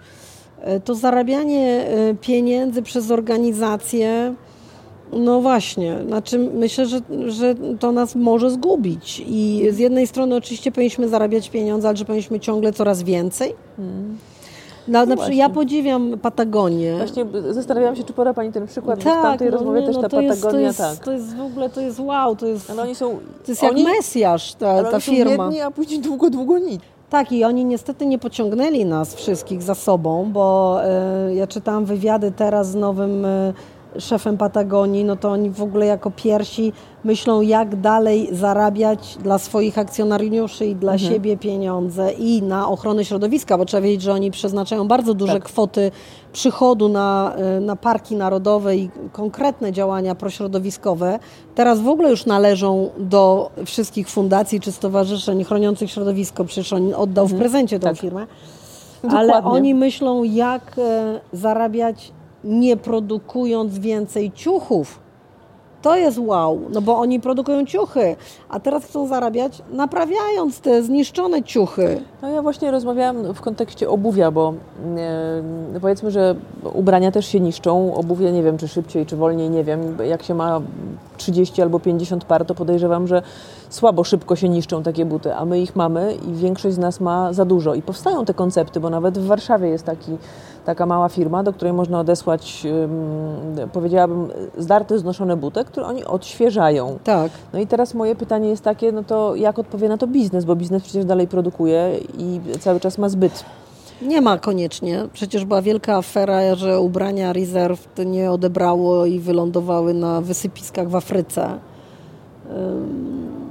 I to jest już dramat. Nie, nie zawsze ma zbyt. tak. Po prostu jaki, no nie no, statystyki są takie, że jakieś miliony ton ubrań, których nigdy nie trafiły do sklepów właśnie Inditexu czy innych kolosów, lądują na wysypiskach śmieci właśnie w krajach biednych po prostu. Więc y, ja powiem szczerze, że Cieszę się, że nie kupuję. Jak otworzyłam moją szafę, już szczególnie po pandemii, która zmieniła nasz y, sposób ubierania się do biura, to się okazało, że właściwie mam ubrania na każdą okazję, pewnie do końca moich dni. Więc jestem dumna z tego, że nie kupuję i staram się to w sobie pielęgnować. Mhm. Polecam też film Minimalizm na Netflixie. No tak. musimy coś zrobić. To znaczy, myślę, że w ogóle każdy sobie powinien odpowiedzieć na pytanie, jak zmienić swoje przyzwyczajenia. I, i pytanie numer dwa, czy przyzwyczajenia, zmiana przyzwyczajeń tylko na jednym polu, na przykład ubrań, wystarczy? Bo może musimy przestać podróżować, może musimy Albo przestać sposób, jeść z plastiku, y, z pudełek, może musimy przestać jeść y, pestycydową żywność, może musimy przestać kupować tyle żarcia i może w ogóle musimy mniej jeść też. Sobie, to... Bo już teraz będziemy mniej świecić i mniej grzać, a jeszcze niedawno nam się to w ogóle w głowach nie tak, mieściło. A w, w, na przykład, nie wiem czy wiecie, że w Hiszpanii jest limit klimatyzacji narzucony. Nie można ustawić klimy poniżej 27 stopni. stopni. Tak. Przed chwilą to było w ogóle niewyobrażalne. niewyobrażalne. No jak ja też to? czytałam o tym. U nas też y, temperatura nigdy, no, no, w Niemczech jest 19 stopni w budynkach użyteczności publicznej, w szkołach, na korytarzach. 19 stopni maks grzejemy to po prostu to, to, co nam się wydaje niemożliwe, stanie się obligatoryjne a pytanie, czy to wystarczy, bo te zmiany idą za późno. Może gdybyśmy je wprowadzili trochę wcześniej, z dobrej woli, a nie z przymusu, może mielibyśmy większą szansę. No tak, ja jakoś wierzę w to, że gdyby każdy zaczął od siebie. No musi zacząć od siebie. Tak, te, te, te, suma małych kroczków zrobiłaby ogromną różnicę. Ja podobnie tak. do Pani, na przykład w trakcie pandemii zrozumiałam, że otwierając szafę, mam absolutnie wszystko, co jest tak. mi potrzebne. E, I od pandemii rzeczywiście chyba nie kupiłam e, może jakieś pojedyncze rzeczy, natomiast zaczęłam się pozbywać rzeczy, które mam w domu dzięki aplikacjom, które to umożliwiły. Więcej czasu, siedzenie w e, chałupie mhm.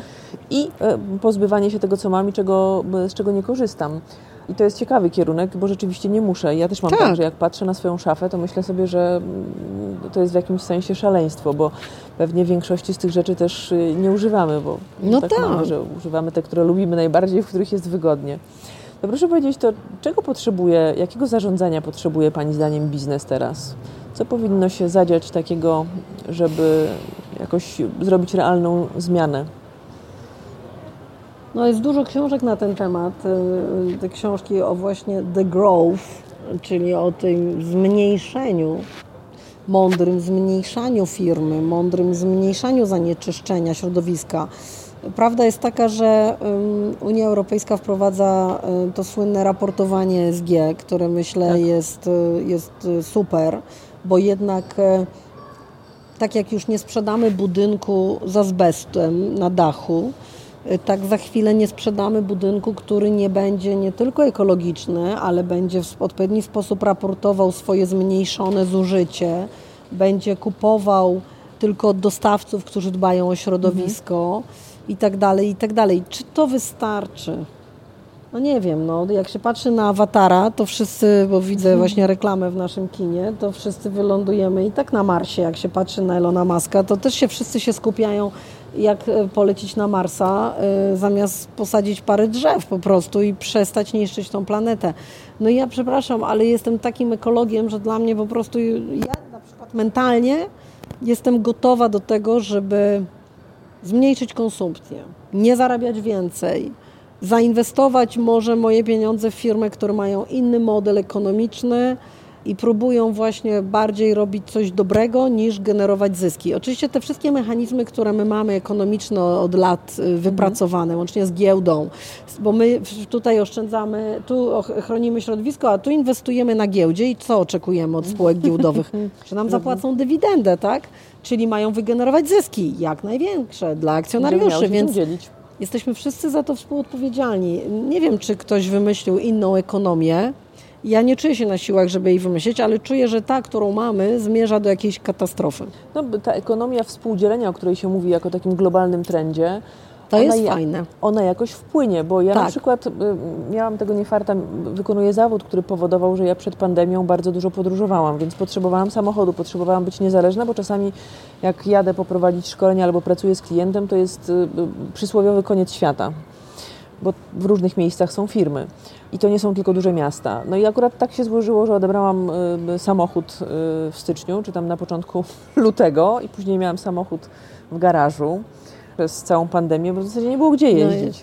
I to był taki pierwszy moment, kiedy sobie uświadomiłam, że mm, ja w sumie mogłabym i jakby tak przeliczyć, nawet zrobiłam takie ćwiczenie, wypożyczać samochód tylko wtedy, kiedy on mi jest realnie potrzebny, biorąc pod uwagę, w jaki sposób żyje i jak funkcjonuje. Tak. I gdzie Pani mieszka? Bo ja mieszkam pod Warszawą, to gorzej? E, troszkę gorzej, ale też pewnie się jakoś można zorganizować. Tak to kosztowałoby mnie mniej tak. niż posiadanie własnego samochodu. No właśnie, więc to są te mechanizmy, które myślę są krytyczne. Ja też teraz następny samochód to wynajmę i to będzie samochód elektryczny. I myślę, że to są te, to za chwilę dochodzi do mieszkań i tak dalej, i tak dalej. Więc mhm. myślę, że to są te mechanizmy do torebek Chanel, że idzie Pani raz na wieczór i potrzebuje Pani jakąś super torebkę do wieczorowej sukni, to i tą suknię, i tą torebkę można, można wynająć. Tak, Jasne, tak, wypożyczyć. E, i jeszcze super, bo za każdym razem inną. I, i... Ja powiem więcej, jak ostatnio e, różni ludzie mówią bardzo otwarcie, że zaczynają kupować rzeczy dobrej jakości i czasami używane, bo one używane i tak, tak są lepsze niż te super takie... recycling. Tak, i ja sobie myślę, e, tak, ja wolę zapłacić trochę więcej, albo nawet dużo więcej czasami za coś, co jest jakościowe. I mam takie rzeczy, które są w mojej szafie 13 lat, tak, tak, tak. Ja też mało niszczę rzeczy, więc długo, długo, długo. Ja ostatnio się zawahałam się, dlatego że mój ojciec ostatnio był w Polsce i tak spojrzał na mnie i mówi fajne masz te spodnie. Ja mówię, kupiliśmy je razem, jak byłam u Ciebie w Stanach, bo mój ojciec mieszka w Stanach. On mówi, tak, a nie pamiętam. Ja mówię, bo to było w 2009. no właśnie. E, I dlatego tak się zadumałam. Mam takie, mam takie rzeczy i one funkcjonują, no ale też jest ten trend taki pod tytułem chce mi się świeżego, nowego, czegoś e, fajnego. Ale myślę, że to nowe pokolenia, to pokolenie Z, na które tak narzekamy, które jest e, takie zupełnie inne niż my. Tak. I narzekamy, kiedy ich zatrudniamy, bo po prostu uff, spotkać ich to już nie jest łatwo, dopasować do nich naszą firmę też nie jest łatwo, wyegzekwować od nich cokolwiek też nie, ale z kolei być może to ich podejście właśnie e, taki tu mi wisizm do kariery, posiadania tego pędu, który my żeśmy wyeksploatowaliśmy tą planetę dlatego właśnie. Mhm. Może właśnie to jest to, co nas uratuje. Tak, oni mówią, chcemy robić mądre rzeczy. Tak, mało. Jak najmniej w ogóle. Tak. Ja przyznam się szczerze, bo to, to, tak jak jesteśmy w tym kontekście mało, to taki czterodniowy e, tydzień pracy. Myślę, to... że to tak będzie. Tak? Myślę, że to tak będzie. Ma szansę zafunkcjonować? Tak. I co paradoksalnie, co jest, e, i tego akurat to, to akurat to mnie zaskakuje, że efekty firm, które to wdrożyły, to w ogóle się nie zmniejszyły. Nie. To jest fenomen. No bo tego to już nie rozumiem. To znaczy, że my jesteśmy tak nieproduktywni, że jeden dzień się snujemy po kuchniach, korytarzach, pijemy kawę i tu nagle jak przyjdziemy, się sprężymy, to mamy to zrobione? A może jest tak, że po prostu jak mamy nagrodę w postaci jednego dnia wolnego, to, to się wtedy jesteśmy w stanie się sprężyć. Tak a może też poświęcamy trochę tego czasu, który jest ponoć bardzo kreatywny i potrzebny, y, w sensie te wymiany właśnie przy kawie, przy lunchu, mm, one ponoć pobudzają tak. kreatywność w organizacjach i na to też poświęcamy czas, i, ale no właśnie zobaczymy jak to będzie długofalowo, bo niewiele jest takich organizacji, które się na to odważyło, chociaż znam dwie polskie firmy. Nie, coraz więcej. Myślę, że to jest trend, który zresztą ale to też jest to, to, to, to, the growth, to znaczy jeżeli to wpłynie nawet troszkę na naszą mhm. produktywność będziemy produkować mniej, to może to też wcale nie jest głupie, bo może to nie o to chodzi, żeby zasuwać y, od 40 godzin w tygodniu czy więcej, bo mhm. niektórzy pracują tak. więcej, ja też często pracuję więcej, po to, żeby sobie kupić nowy podkoszulek, którego już mamy 200, tylko może właśnie lepiej popracować trochę mniej, bo to, żeby przeczytać książkę, którą potem damy komuś, i też ją przeczyta, albo pomedytować, albo mhm. porobić inne rzeczy. Ja zrobić cokolwiek, co jest... Tak. Ja ostatnio czytam, wiem, że jest Pani aktywna na LinkedInie, ostatnio się pojawiło parę takich publikacji dotyczących tego, czy dorośli ludzie potrafią w Polsce odpoczywać. I to jest ciekawe, bo ludzie, którzy się tym zajmują, mówią, że nie, że my generalnie, to znaczy jak siadamy i chcemy sobie coś przeczytać albo po prostu poleżeć i odpocząć, to mamy wyrzuty sumienia w większości. Znaczy nie potrafimy się regenerować, a żeby być jakoś funkcjonować... Czy mamy poczucie to... takiego marnowania czasu, nie? Co jest szaleństwem, bo pytanie, co, co, co jest większym marnotrawstwem czasu Prawda? tak naprawdę? To, jest... to się trochę też bierze z tego, że no ja jestem z tego pokolenia, które po prostu nie miało nic, zaczynało od zera. budowali kapitalizm, mówiąc krótko. No. I my po prostu, no, to było naszym driverem. No. Na szczęście wchodzą następne, które już nie muszą tyle zdobywać i nie muszą tyle udowadniać. Mhm. Już dużo mają. Już dużo mają i może właśnie mniej im wystarczy i super. Ja myślę sobie, że podchodzą mądrzej. Ja myślę sobie, że nauczyłam się odpoczywać. To też nie było takie proste. Ja też jestem z tego pokolenia, które dużo pracowało i co więcej bardzo lubiło swoją pracę i się realizowało w tej pracy, więc to jak coś się lubi, to też trochę inaczej się do tego podchodzi, ale myślę sobie, że tak z perspektywy dużo się nauczyłam. Czy teraz bym tak chciała pracować? Dalej lubię swoją robotę. Dalej pracuję sporo, ale nauczyłam się odpoczywać i nauczyłam się parkować pewne rzeczy. Myślę sobie, że i też pod wpływem e, niejednokrotnie młodych ludzi, z którymi pracuję, którzy na przykład e, za 15 piąta, jak z czymś przychodziłam, poprosiłam o pomoc, bo bardzo często pracuję zespołowo, to słyszałam, mówię, słuchaj, ja się dzisiaj już tym nie będę, mm, nie, nie, nie zajmę, e, bo ja za chwilę wychodzę. I pamiętam, że pierwsze moje reakcje były takie, halo, No no, właśnie. no jak tu się nie zajmiesz?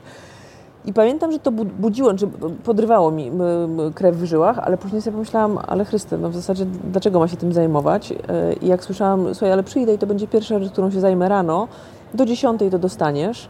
I oni to naprawdę dowozili. To sobie myślałam, Chryste, to jednak jest ta... ta, ta Może wystarczy, ta, może to jest- asertywność, tak. ale też takie zdrowe podejście, że gdzieś możemy te, te ramy poukładać.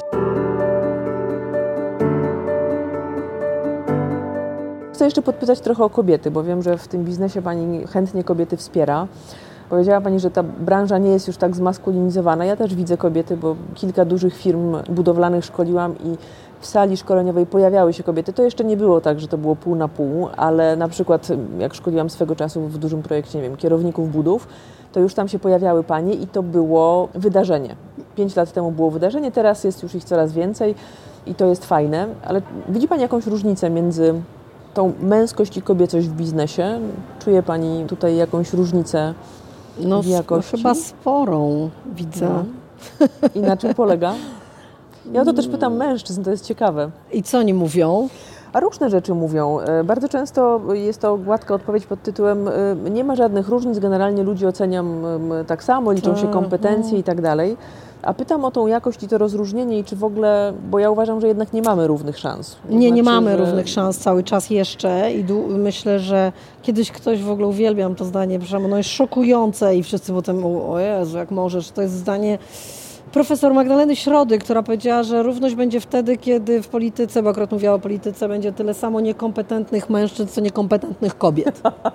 I to jest super, bo my po prostu od kobiet oczekujemy, że one będą y, jakieś wyjątkowe i one rzeczywiście, żeby dojść do tego momentu, co, co mężczyźni muszą być dwa razy lepsze i cztery razy ciężej pracować i wtedy one są akceptowane. Gdzieś, tak.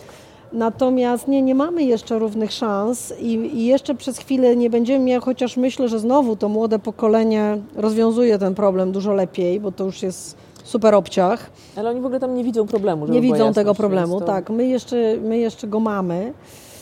Są różnice. Myślę, że są różnice oczywiście w podejściu, że t- często no, te samce alfa to są, to są taki specyficzny gatunek, który mnie na przykład razi, jak słyszę, jak jakiś prezes mówi ja zrobiłem. No, tak jakby w ogóle nie było tych ludzi za nim, którzy to zrobili na końcu, bo on po prostu im przewodził niewątpliwie i to jest jego spora zasługa, ale na koniec to jednak oni pewnie zrobili tak bardziej. Kobiety mówią dużo więcej my zrobiliśmy, nawet Mój jak zespół. same zrobiły. I kobiety są oczywiście dużo bardziej empatyczne, dużo bardziej nastawione na właśnie taką równowagę w otoczeniu, na, na well-being, na komfort ludzi, którzy przychodzą do pracy. No, mają nieporównywalnie więcej takich miękkich tych skillsów e, empatii i, i zrozumienia. Mężczyźni są dużo bardziej nastawieni na efekt i to niestety na efekt dla siebie bardzo często.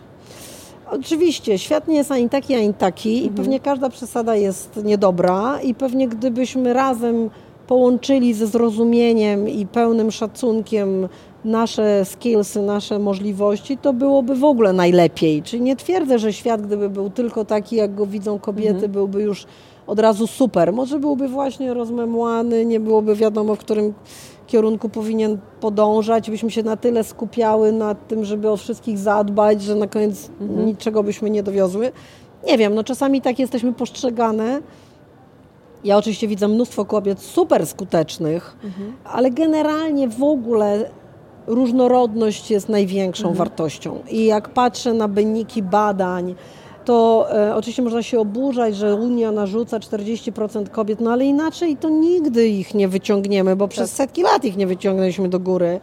Oczywiście niektóre nie chcą, no ale to ich nie będziemy ciągnąć, jak nie chcą. mężczyźni też nie też chcą. Nie chcą i też, i też mają prawo. Prawda? Więc właśnie takie dużo większe zrozumienie i dużo większa różnorodność, szeroko pojęta, młodzi, starzy, biali, kolorowi, wierzący, niewierzący, hetero, homo i tak dalej, i na koniec kobiety i mężczyźni, to takie zespoły, tylko my jesteśmy w Polsce, w ogóle nie ma tego dyskursu, nie ma dyskursu w ogóle społeczeństwa obywatelskiego. No dzisiaj to już w ogóle go nie ma, ale jak patrzę, czego się uczą dzieci mojego brata w szkole w Anglii, a czego się uczą mhm. nasze dzieci i jakiego mają ministra, to mi po prostu mam poczucie straconego czasu znowu na długo, ale generalnie różnorodność i szacunek do drugiego człowieka jest y, moim zdaniem największym kluczem do mhm. sukcesu. Czyli każda monokultura, czy to damska, czy męska, czy taka, czy inna, jest, jest zawsze mhm. słabsza. Tak.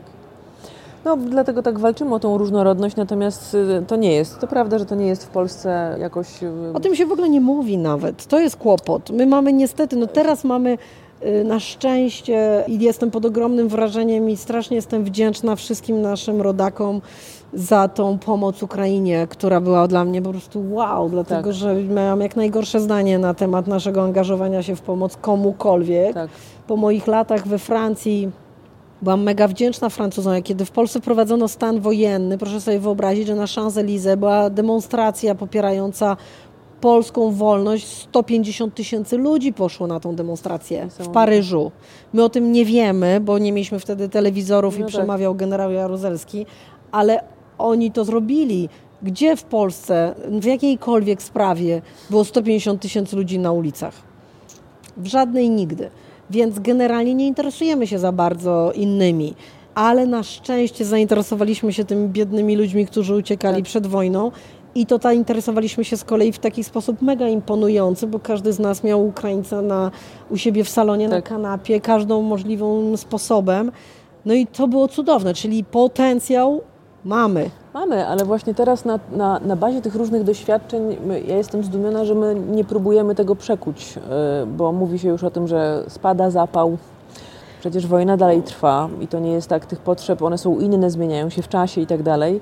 E, ja też bardzo to doceniam i myślę sobie, nie znam osoby, która się nie angażowała, natomiast teraz się mówi, że powolutku, powolutku. Nie wiem, myślę, że my powinniśmy oczywiście bardziej zadbać nad taką y, świadomością. No bo moja mama ostatnio wróciła i na przykład właśnie mówi, że w kolejce w aptece słyszę jakieś takie propo rasistowskie, że przecież tylu ich tu teraz jest i tak. niech się no uczą właśnie. polskiego, a w ogóle niech wrócą do siebie. Uff, ciekawe do czego. Do czego no. E, no bo przecież Wołyń. No i tak sobie myślę, no naprawdę... No.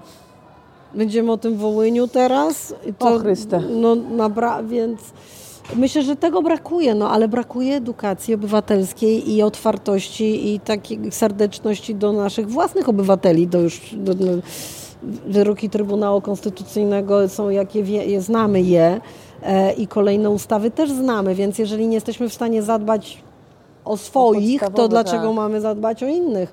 Ale ja się pocieszyłam jedną rzeczą, że każda ekstrema przekuwa się w następną ekstremę i że to wahadło, które poszło w naprawdę w szalonym kierunku, jak na mój gust oczywiście, pójdzie w dużo bliższym mi kierunku teraz mhm. i że to będzie jakiś postęp taki znaczący. No przecież nie możemy tkwić jako jedyni w XVII wieku. To prawda, natomiast ja nie wiem, czy ono się nie odegnie, bo rzeczywiście mam wrażenie, że, że poruszamy się po ekstremach. I teraz pytanie, jak daleko my się wygniemy w tą drugą stronę. Chociaż szczerze mówiąc, jak patrzę na to i jak teraz o tym rozmawiamy, to jak ono by się wygięło w drugim kierunku takiej wszech y, akceptowalności, to chyba byłoby mi łatwiej żyć i funkcjonować no, ze swoją głową. No tak, no tak. No, no ale to też, wiemy, tak. po której stronie jest nasze serce, ale, ale na pewno mm, planeta, polska debata publiczna, no. na pewno my tego potrzebujemy. Potrzebujemy, ale też chociażby kwestia budowania kapitału społecznego, no takiego tak, prawdziwie rozumianego w Polsce. przez tyle lat teraz. No. Nawet nie odbywają się teraz badania, bo profesor Czapiński te badania prowadził, diagnozę społeczną i od 2015 one się już nie pojawiają. No i trzeba Tylko sobie to się nie pojawia od 2015. Nie, no tak, ja akurat mówię o tym kawałku, bo on jest istotny, bo on też mówił też o jakości, budowania jakości kooperacji, współpracy, dzielenia się wiedzą, te wszystkie rzeczy. Tym bardziej, że my istotne. trochę byliśmy w ogóle, trzeba pamiętać, że to społeczeństwo obywatelskie było wcześniej tłumione przez lata komunizmu. Jeszcze tak. wcześniej to w ogóle byliśmy na mapie przecież od 18 do 39, czyli chwała tak. Bogu króciutko i wcześniej nas też nie było przez setki lat, więc trochę patrząc nawet na te zachowania teraz Rosji wobec Ukrainy, to sobie uświadamiamy, patrząc na nich, jak bardzo to społeczeństwo jest w tyle. Mhm. I widzimy, że my mm, też. Ja mam niestety. wrażenie, że my żeśmy zrobili przez te ostatnie lata potężny regres, ale no, ktoś idzie do urn i decyduje, że mamy jak mamy. Ja bym I bardzo to jest chciała, trochę tak. pretensja do poprzednich ministrów edukacji, którzy nie zadbali o to, którzy nie kładli na to odpowiedniego nacisku. Więc tak, no, jest praca do zrobienia. Wtedy jak byliśmy tą zieloną wyspą, to zamiast dbać o wzrosty PKB, mogliśmy inwestować te pieniądze w bardzo rozsądny I sposób. I nie robiliśmy tego. Tak, no, tak, no myślę sobie, że to... Tej edukacji nie było, tej troski o społeczeństwo obywatelskie nie było. No i przyszedł ktoś, kto po prostu zadbał tak. o tę tak. część, w nie, ta, nie, w taki sposób, w jaki można byłoby tak. na niej budować, a nie niszczyć, bo myślę sobie, że teraz ta polaryzacja jednak, ona nas wyniszcza, no, wy, wymęcza, wyniszcza i ona nie, nie, nie powoduje z mojej perspektywy nic dobrego. Jednak bliżej mi do tego świata, w którym jest i i niż tak. albo albo. A no, ale to jest w ogóle problem liberałów versus konserwatyści, tak. że my zawsze potem odpuszczamy. Że sobie mówimy, dobra, no już tam. Niech tam, niech będzie ale oni nie odpuszczają.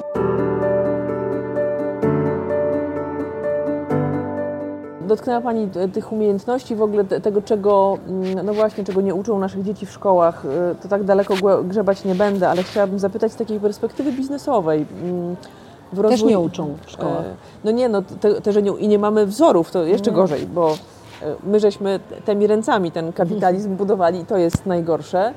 To jest jakby jedna rzecz. Nie ma wzorców, bo jest mało osób, które zrobiło taką karierę i na tyle mało, żeby mogło dawać, wskazywać kierunek e, więc się tego uczymy, ale możemy decydować e, w rozwój jakich kompetencji będziemy inwestować. My ludzie, którzy pracujemy w biznesie, no to w rozwój jakich inwestycji inwestuje Pani albo czuje Pani, że warto zainwestować w tym świecie, który jest, jaki jest? No, jak się odrzuci pytanie, jaki jest cel naszych inwestycji, bo dopóki celem naszym jest, są pieniądze, mhm to inwestujemy w to, co może wygenerować największe zyski. Mhm. Ja jestem na takim etapie, że zaczęłam, że chciałabym teraz zainwestować w coś, co wygeneruje lepszy świat. Mhm. Więc jestem już trochę na innym kroku, w, innym w ogóle świecie. Mhm. Oczywiście Dopóki e, mamy, mieliśmy puste półki w sklepach, dopóki chodziliśmy głodni, dopóki byliśmy nieubrani i na nic nas nie było stać, no to to były nasze priorytety. Natomiast dzisiaj ja jestem już na takim etapie, że zaczynam mieć trochę inne cele. Idealnie by było to połączyć, ale no właśnie, myślę, że, ten, że, ten, że, te, że te pieniądze, że oczywiście każde przedsięwzięcie, to to jest ważny element, też charytatywny dobrze jak na siebie zarabia, bo tylko wtedy mhm. jest takim perpetuum mobile. Na tak. przykład Biobazar jest super, kocham ten projekt, to jest moje najkochańsze dziecko, bo wpłynęło na rozwój y, rolnictwa ekologicznego w Polsce, na edukację ludzi, co to znaczy rolnictwo ekologiczne i tak dalej i na pewno zaoszczędziło setki kilogramów pestycydów wywalonych do rzek i, i, do, i do lasów i na, na pola. Mhm. Natomiast on musi zarabiać, prawda? Bo w przeciwnym razie nie przetrwa. Więc e, to samo jest z Patagonią, która jest cudowna, ale jeżeli ona będzie miała straty, tak. to, umrze. Długo się nie utrzyma. Więc cała sztuka polega na tym, żeby znaleźć jakąś ideę i dlatego polecam książkę Zacznij od dlaczego, e, którą sobie odpowiemy na pytanie, dlaczego chcemy coś robić, co jest naszą wartością, na co chcemy mieć wpływ i stworzyć biznes, który będzie ten świat w tym obszarze poprawiał, mhm. zarabiając rozsądne pieniądze, czyli zarabiając ten sustainable, te zrównoważone, to jest to, to słowo, które jest kluczem moim zdaniem. Mhm. Nie o to chodzi, żebyśmy nie zarabiali, nie o to chodzi, żebyśmy tracili, ale chodzi o to, żebyśmy zarabiali nie eksploatując wszystkiego i wszystkich mhm. naokoło, nie wykorzystując wszystkiego i wszystkich naokoło, mhm. żebyśmy się w tym jakoś współdzielili i żebyśmy wszyscy powoli rośli, ale nie tylko właśnie w konsumpcji, w kasie, w większych samochodach, w, obrocie, w tak. większych tak. domach, tylko, tylko mądrze. No. Mhm. No, życzyłabym sobie takiego świata, ale powiedziałabym, że to jest dość idealistyczne. Skąd czerpie Pani inspirację? Nie wiem, chyba z mojego rozwoju osobistego teraz, z tego po prostu jak, e, jakim chciałabym być człowiekiem, no, co bym chciała robić po tym e, i jakbym chciała, żeby wyglądało moje życie i co chciałabym po sobie zostawić, no, chyba z tego. Że, że. Z ludzi, których spotykam, z książek, które czytam. Mhm. Ale to też mamy na to wpływ. To prawda. A skąd bierze Pani energię? Jak się Pani regeneruje? Bo tych zajęć ma Pani trochę. A energia nigdy, tak, to, to chyba po prostu taki mam, taką mam osobowość energetyczną, mhm. taskową. Mam zadania i realizuję te zadania i z tym nie mam problemu. Budzę się rano, jestem ciekawa, co dzień przyniesie. Mhm. A tak w sensie ładowanie baterii? Ładowanie baterii to naj, najchętniej natura, zwierzęta, sport, polo, podróże. To nie jest łatwy sport, kurczę. Nie, nie jest. Ale nie jest łatwiejszy niż się wydaje, ale w ogóle to nie jest za łatwy, to prawda. No jest też trochę niebezpieczny. Nigdy nie próbowałam, ale nie, tak. myślę, że to jest jednak Wyższa szkoła jazdy. Tak, ale uwielbiam, bo jest mega adrenalina. Niestety wyciąga z ludzi co najgorsze, e, ale jest się jednością ze zwierzakiem. Uwielbiam go za to. Ale może tam właśnie trzeba się ścigać, a nie w biznesie. Może, właśnie. Może tam, tam jest ta, e, ta, ta przestrzeń. Wspomniała Pani już o paru książkach. Ja w zasadzie mam takie dwa elementy, o które zawsze pytam e, w audycji.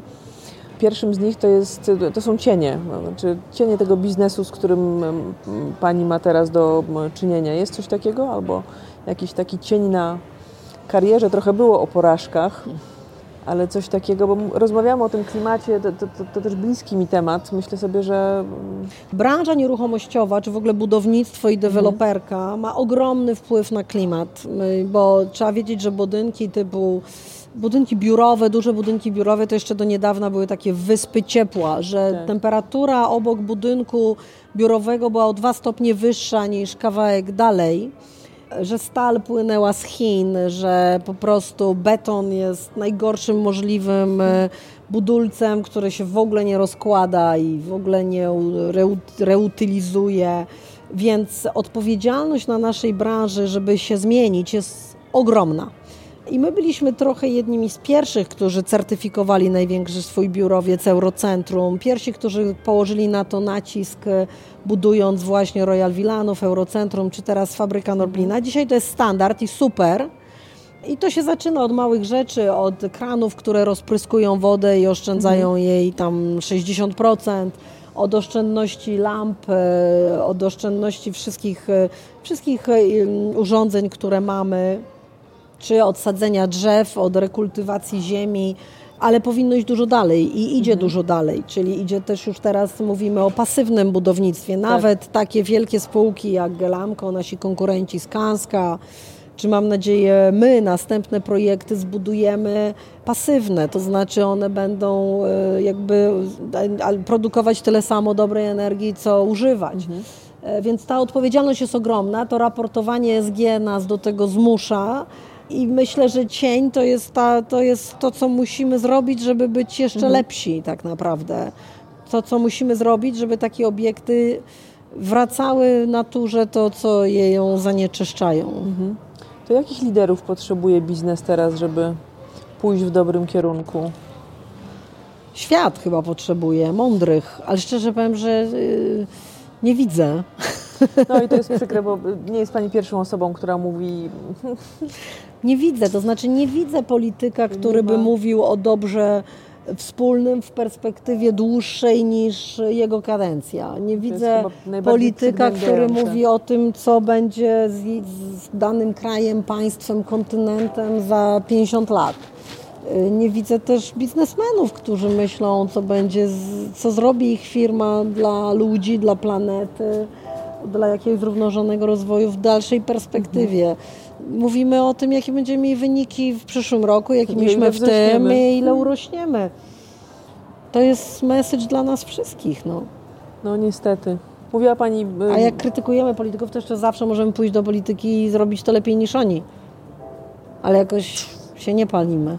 Myślę sobie, że mm, nie wiem, mnie się polityka kojarzy z mm, no jednak taką brudną częścią e, no, naszej trzeba mieć nerwy ze stali, oczywiście. E, tak, zresztą jak się patrzy na te, nawet na te młode twarze, które wchodzą do polityki i są obiecujące i po kilku latach są to siwi panowie. Tak, oni e, wszyscy tak siwieją. Prawda? No. To nie jest, y, ja myślę sobie, że to jest jakiś y, papierek lakmusowy tego, tak. co tam się dzieje z tyłu sklepu, tak. bo mm, szczerze to mówiąc prawda. nie chciałabym tych pieniędzy, które oni tam zarabiają, które też wcale nie są takie nie, w sensie... Nie, ale nie to znowu nie jest o kasie. Uwaga, tak, ale, to jest ale to jest właśnie, czy ja mam wrażenie, że to jest o kasie i dlatego jest Znaczy to nie jest. powinno być o kasie, tak. tak. Natomiast tak. idą tam ludzie, którzy nie, y, nie zawsze, no bo mamy przykłady, które powiedzmy z, zarobiły duże pieniądze w biznesie, poszły, ale też w tej polityce nie, nie zrobiły takiej mamy, fundamentalnej nawet na naszym, zmiany na naszym rodzimym podwórku Oczywiście. mamy. Tak, tak, ja też o naszym podwórku no, myślę. No bo inercja, bo siła inercji, bo populizm, bo, bo brak edukacji, bo dzisiaj do tych dzieci, które chodzą właśnie dzisiaj do tej naszej szkoły, za chwilę im będziemy mówić, że ważniejszy jest, nie wiem, zrównoważony rozwój i społeczeństwo obywatelskie, a one co mają dzisiaj w szkole? No to, szczerze, że to, to, to jak, myśleć, to, co one mają no w szkole. No tak, a przyjdzie nasz konkurent polityk, który powie, słuchajcie, nic nie musicie robić, ja wam dam. No to taka jest natura ludzka. Tylko, że nikt nie zadaje pytania, ile nam e, dasz i na ile mi to tak, wystarczy. I skąd no bo... to weźmiesz i jeszcze i co dalej? I, I czy tylko o to chodzi? No tak, no, no ale... Przecież. Edukacja, edukacja, edukacja. Natomiast no, to, to, co się dzieje teraz w edukacji, to mogłybyśmy pewnie poutyskiwać. Ja szczerze mówiąc cieszę się, że nie mam dzieci. Ja też. I też się cieszę. Jak patrzę Bo mi by było dzieje. strasznie przykro, co my im zostawimy po nas. Tak. Z jednej strony mówimy o tym, że ta młodzież i te, ci młodzi ludzie, którzy zaczynają funkcjonować w biznesie, oni nie mają wielu e, tych wyzwań, które my mamy, które, albo które ma nasze pokolenie. U nich różnorodność to nie jest temat, który, o którym się rozmawia. Ja popatrzyłam na badania tak. BNP Paribas związane właśnie z feminatywami, jak oni funkcjonują. E, jest... No oni idą dużo dalej, bo oni mają jeszcze te, te formy nawet nie wiem jakie... Neuratywy. Na, tak, te, te, które nie wiadomo, no to to już jest w ogóle czat. Ale w ogóle nie widzą w tym nic nie. złego. Tam... I to w grupie, w klasie, oczywiście w Warszawie, w jakimś tam liceum japońskim, w sensie szkoły japońskiej.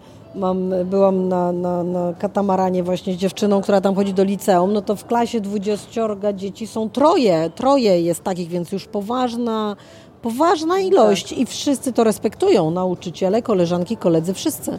Ja pytam, dlaczego nie? To jest trochę jak z feminatywami, bo ja bardzo często, zresztą zrobiłam to też dzisiaj, zawsze pytam swoje gościnie, jak mam je przedstawić, staram się pilnować tych feminatywów i zdarza mi się, że są kobiety, które mówią, Ale to przedstawiła chcę. mnie Pani przed chwilą członkini zarządu dyrektor e, operacyjny. No, nie, mówiłam dyrektorka chyba nie. operacyjna, tak? Proszę przesłuchać. A, o. To zdecydowanie, członki, to zdecydowanie członkini zarządu i dyrektorka operacyjna. Nawet mam tak napisane na mojej kartce i dlatego pytałam, bo zdarzało mi się gdzieś tam znaleźć w przestrzeni internetu pewne niespójności. Była członkini, a później była członek zarządu. E, to też nie jest proste. Ja staram się o to dbać, natomiast e, to jest też ciekawe, że niektóre kobiety się z tym nie identyfikują i mówią: Nie chcę, żeby, żebyś tak mnie przedstawiała, nie jestem gościnią, możesz powiedzieć, że jestem gościem. Niektóre kobiety nie są za parytetami i tak dalej, ale to tak. znowu problem jest, myślę, w ogóle, e, to jest trochę o to, o czym mówił Zygmunt, Zygmunt Bauman. My żyjemy w świecie postprawdy. Proszę spróbować coś ustalić, ale w jakiejkolwiek sprawie. Ja na przykład tak. chciałabym ustalić, czy lepiej jest jeździć elektrycznym samochodem czy spalinowym? Je, przecież to jest policzalne. Przecież można policzyć wpływ na środowisko taki od początku mhm. do końca tego samochodu i tego samochodu. Ze wszystkim, z tą baterią jej, czy ona się rozkłada, czy nie rozkłada, gdzie wydobywamy te metale szlachetne, kto tam przy tym ginie, policzyć na, w tabelce, tutaj zanieczyszczenie, tutaj, e, nie wiem, koszty społeczne, tutaj koszty środowiskowe. No kurczę, no nie jesteśmy w stanie jednoznacznie na najprostsze pytanie odpowiedzieć. I to samo dotyczy na przykład kwestii parytetów.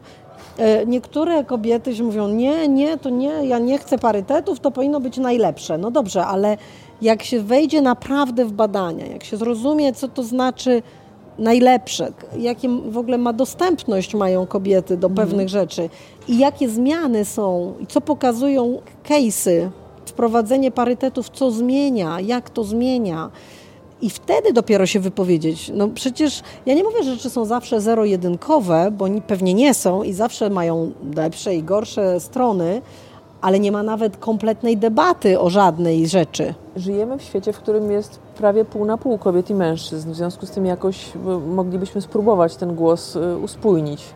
Bo ja na przykład uważam, że za mało jest kobiet. Zresztą są książki, które pokazują, że większość świata uszyta jest pod mężczyzn. Ale oczywiście. Jest piękna książka, to ja z kolei polecam e, Kapitał Kobiet, który przekłada to na pieniądze i mam taką nadzieję, że ta książka jak zacznie się gdzieś tam przebijać, to może uzmysłowi, że e, za tym, żeby było nas więcej w biznesie, żebyśmy funkcjonowały, też przemawiają liczby. No tak, Jeżeli znowu przełożymy tak, to na zyski, ale dobra, no dobra, tak, ale przełóżmy to na cokolwiek, co jest kwantyfikowalne. Tak, My to tak, później tak. możemy jakoś uklepać, ułożyć, czy też układać na nowo ten świat. Natomiast no, miejmy w nim e, realną, jakby realny To tak wpływ. samo jak różnorodność, ale nie wiem, czy Pani widziała, że pod moimi właśnie postami na LinkedInie wszystkie takie tematy typu równouprawnienie, typu ochrona środowiska budzą takie emocje i zawsze się pojawia Przepraszam, że to powiem, bo ja w ogóle uwielbiam mężczyzn, pracuję z nimi i, mam do nich też bardzo dużo szacunku i w ogóle nie należy generalizować, bo są i kobiety, i mężczyźni, wszyscy są, wszyscy, tak. każdy jest. Tak jak Ukraińcy i Polacy, wszyscy są, wszędzie jest wszystko, że tak powiem, mhm. brzydko. To zawsze jest niestety, y, i to są fakty, dwóch, trzech białych mężczyzn po 50 roku życia, którzy są agresywni, nie przeczytają do końca ani mojej wypowiedzi, ani postu, ani badania, na które się powołuję, ale po prostu jest taki poziom agresji i w każdej sprawie, nawet w sprawie ochrony środowiska. Przecież czy ktoś, kto nie wierzy w katastrofę klimatyczną, bo już mówimy nie o zmianach klimatu, tylko o katastrofie klimatycznej, tak.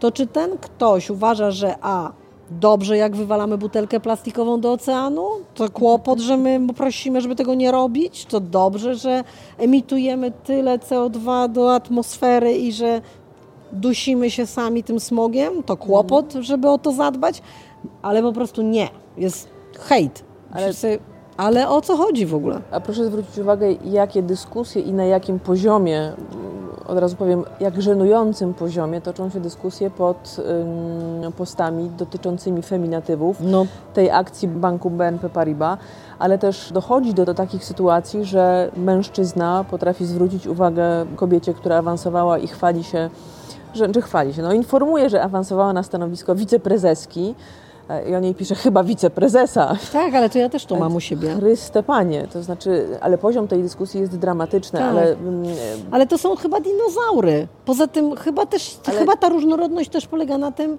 że oni też muszą być. To znaczy niech, wszyscy mają y, takie samo prawo do wypowiadania się tak. do istnienia. Ja się dziwię, no ale ale są pewne ramy, to znaczy ja mówię o tym... Czy jest abstrakcja tym, pewnych są, argumentów. Tak, ale ja też wie Pani, jeżeli padają argumenty, z którymi ja mogę dyskutować nie, i one nie, są, nie, są, na emocje. poziomie, mhm. a tam jest tak, że mam wrażenie, że mm, jakby toczy się piana i pojawiają się chamskie, niekulturalne komentarze pod mm, kątem kobiet. I to jest to, to trudność. Pani no, ale powiedziała to pod kątem tym, wszystkiego. Pod tak, ale to, to już Pani o tym powiedziała, to jest kwestia debaty, bo e, ja na przykład Jakości. lubię się różnić. Tak. Ja mam z tego wartość i lubię rozmawiać z ludźmi, którzy, nie wiem, próbują mnie przekonać, czy mają inne poglądy. Ja dlatego też na przykład lubię podróżować. Też czytałam, że to, co Pani powiedziała, no, jeździmy, jeździmy, spotykamy nowych ludzi po to, żeby złapać trochę innej perspektywy. No tak, ale to nie wszyscy, bo jest pan Wojciech Cejrowski, który zwiedził cały świat, a wreszcie mamy wrażenie, że się cofa. Każda jego wypowiedź jest gorsza od poprzedniej. Ale wracając... Na szczęście jest jeden. W sensie tak, on, on, jest, on jest indywiduum, on jest e, e, indywiduum. Ale coś chciałam odpowiedzieć, miałam ciekawą... A, to jest kwestia jakości debaty. Tak. I to mam taką anegdotę właśnie na moją obserwację. Kiedyś pojechałam do Francji na narty, dosłownie po tym, jak pojawiło się u nas jedwabne.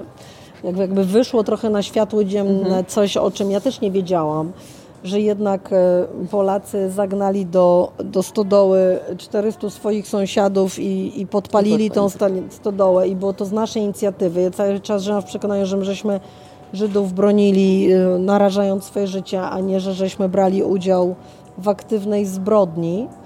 No i y, prezydent Kwaśniewski, dzięki mu wielkie za to, przeprosił, co pewnie dzisiaj już by nie miało miejsca. I pojechałam do Francji i widziałam tą debatę w Polsce i ten hejt na to, że my się mhm. właściwie przyznajemy i mówimy, przepraszam, swoją drogą mamy tego naszego Jezusa Chrystusa na ustach, ale powiedzieć przepraszam to nam po prostu staje w gardle. A po Wołynia to, to trochę to samo, tak. prawda? To do, innych, no. do innych oczekujemy, że po prostu padną dzisiaj, 70 lat później na kolana, no ale my, no przecież my. W życiu.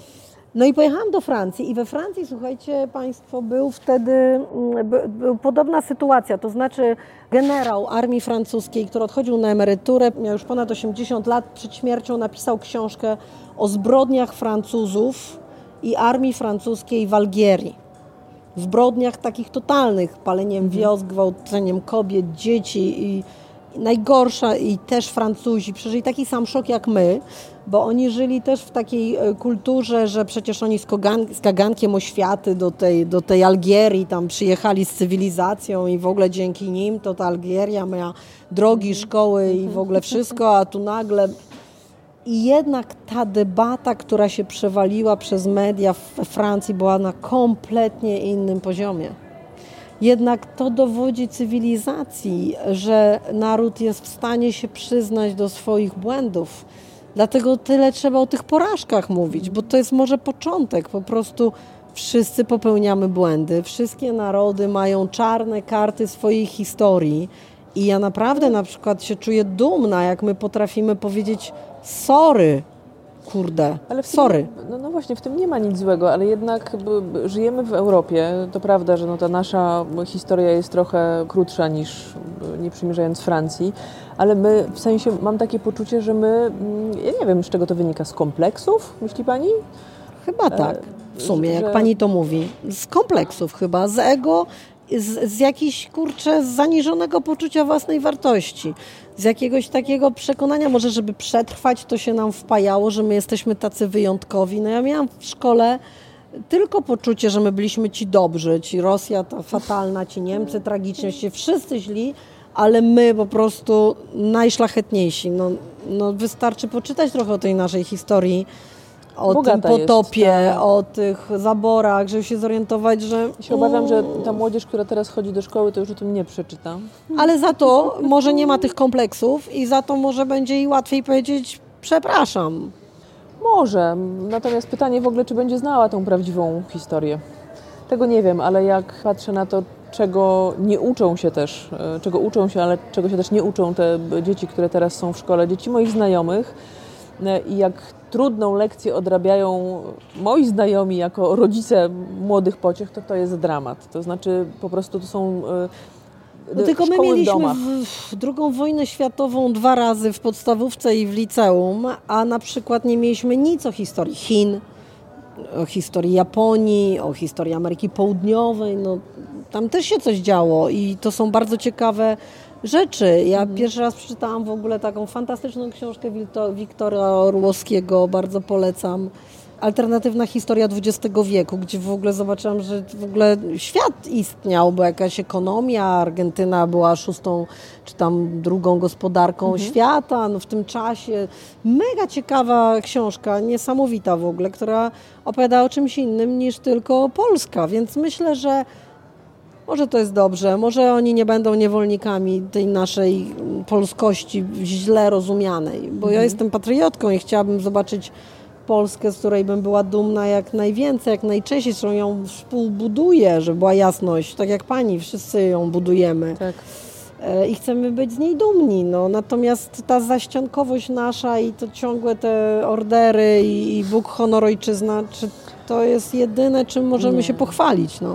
I ten Chrystus w ręku i nie, no nie powiem co na ustach, natomiast to Trochę jest nam ta dyskusja zjechała na tak, ale światopoglądowo. Na światopoglądowo. Nie wiem, czy wszyscy tutaj się z nami zgodzą, zaraz będzie Pani miała komentarze. Ja powiem tak, y, natomiast... Będziemy się z nimi mierzyć. Mm, będziemy, natomiast to jest część naszej rzeczywistości, to znaczy my oczywiście możemy zamiatać pod dywan. Pytanie, ile my możemy tam zamieść pod ten dywan, bo ja jak pytam młodych ludzi, jak z młodymi ludźmi rozmawiam na temat tego, przez lata całe oni mówili, Do wyborów nie, nie idę, przestań. W ogóle się polityką nie interesuję. Ja mówię do momentu, kiedy polityka nie zainteresuje się tobą. Tak. I ci młodzi ludzie, z którymi miałam, mam okazję być w jakichś tam interakcjach, teraz mówią, nie no teraz to się, teraz to się interesuje. Ja mówię, no bo teraz ma realny wpływ, to znaczy czujesz, że może zmienić Tak. twoją rzeczywistość. Jest to jakiś sposób, za daleko moim zdaniem, żeśmy y, zaszli, ale to jest tak jak z biznesem. Biznes też bardzo często mówi, nie chcę rozmawiać o polityce, Bo się boi. e, bo się boi, ale... y, Bo jednak zależymy ale od władzy. Ma wpływ No to, zasadniczy. Polityka ma funkcjonujemy. wpływ i, i jakość społeczeństwa obywatelskiego ma wpływ. Ale się boimy, boimy się konsekwencji po prostu, bo jednak e, bo nie żyjemy do końca w państwie prawa, którym jesteśmy pewni, że nam się nie stanie krzywda. I myślę że sobie, że z, tak z roku na rok ja mam poczucie, że jest gorzej. To znaczy, że, że to samo poczucie. Tak.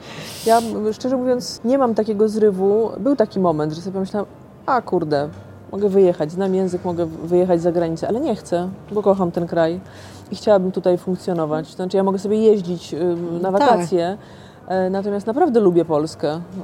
E, Nie chcę jakichś tam górnolotnych słów używać, ale to, co się Jest dzieje pani tu u siebie, sobie- no jesteśmy tak, tu u siebie. A poza tym, dlaczego my mamy wyjeżdżać? Prawda? No po prostu... Możemy wysłać tam tych, którzy No, nam takie piekło zrobili. No na koniec, no coś dobrego też robimy, prawda? Więc e, No, mam taką dlaczego nadzieję, mamy wyjeżdżać? Nie, że, no. że zostawimy ten świat po sobie trochę lepszy. To proszę powiedzieć na koniec, to czego Pani życzyć, żebyśmy jakoś optymistycznie zakończyły naszą rozmowę. No na pewno wzrostu świadomości Mhm. naokoło świata naszego. To, by, to, to na pewno nam wszystkim pomoże. Fajnego następnego projektu, no. No to życzę, tak, fajnego następnego projektu, tego, żeby mogła Pani inwestować w rzeczy, które będą zostawiały ten świat trochę lepszym. No i też świadomych konsumentów wokół, które, którzy będą wspierali, bo myślę sobie, że to trochę jest tak, że, że ci ludzie napędzają e, Oczywiście. ten kierunek, więc tego też sobie i Pani życzę. Bardzo dziękuję za to dzisiejsze spotkanie. Dziękuję. To było jedno z, z, z bardziej nietypowych rozmów i bardzo się z tego powodu cieszę. No w ogóle nie o biznesie, nie wiem co to będzie w ogóle. Nie no, było też o biznesie, o tym jak robicie biznes.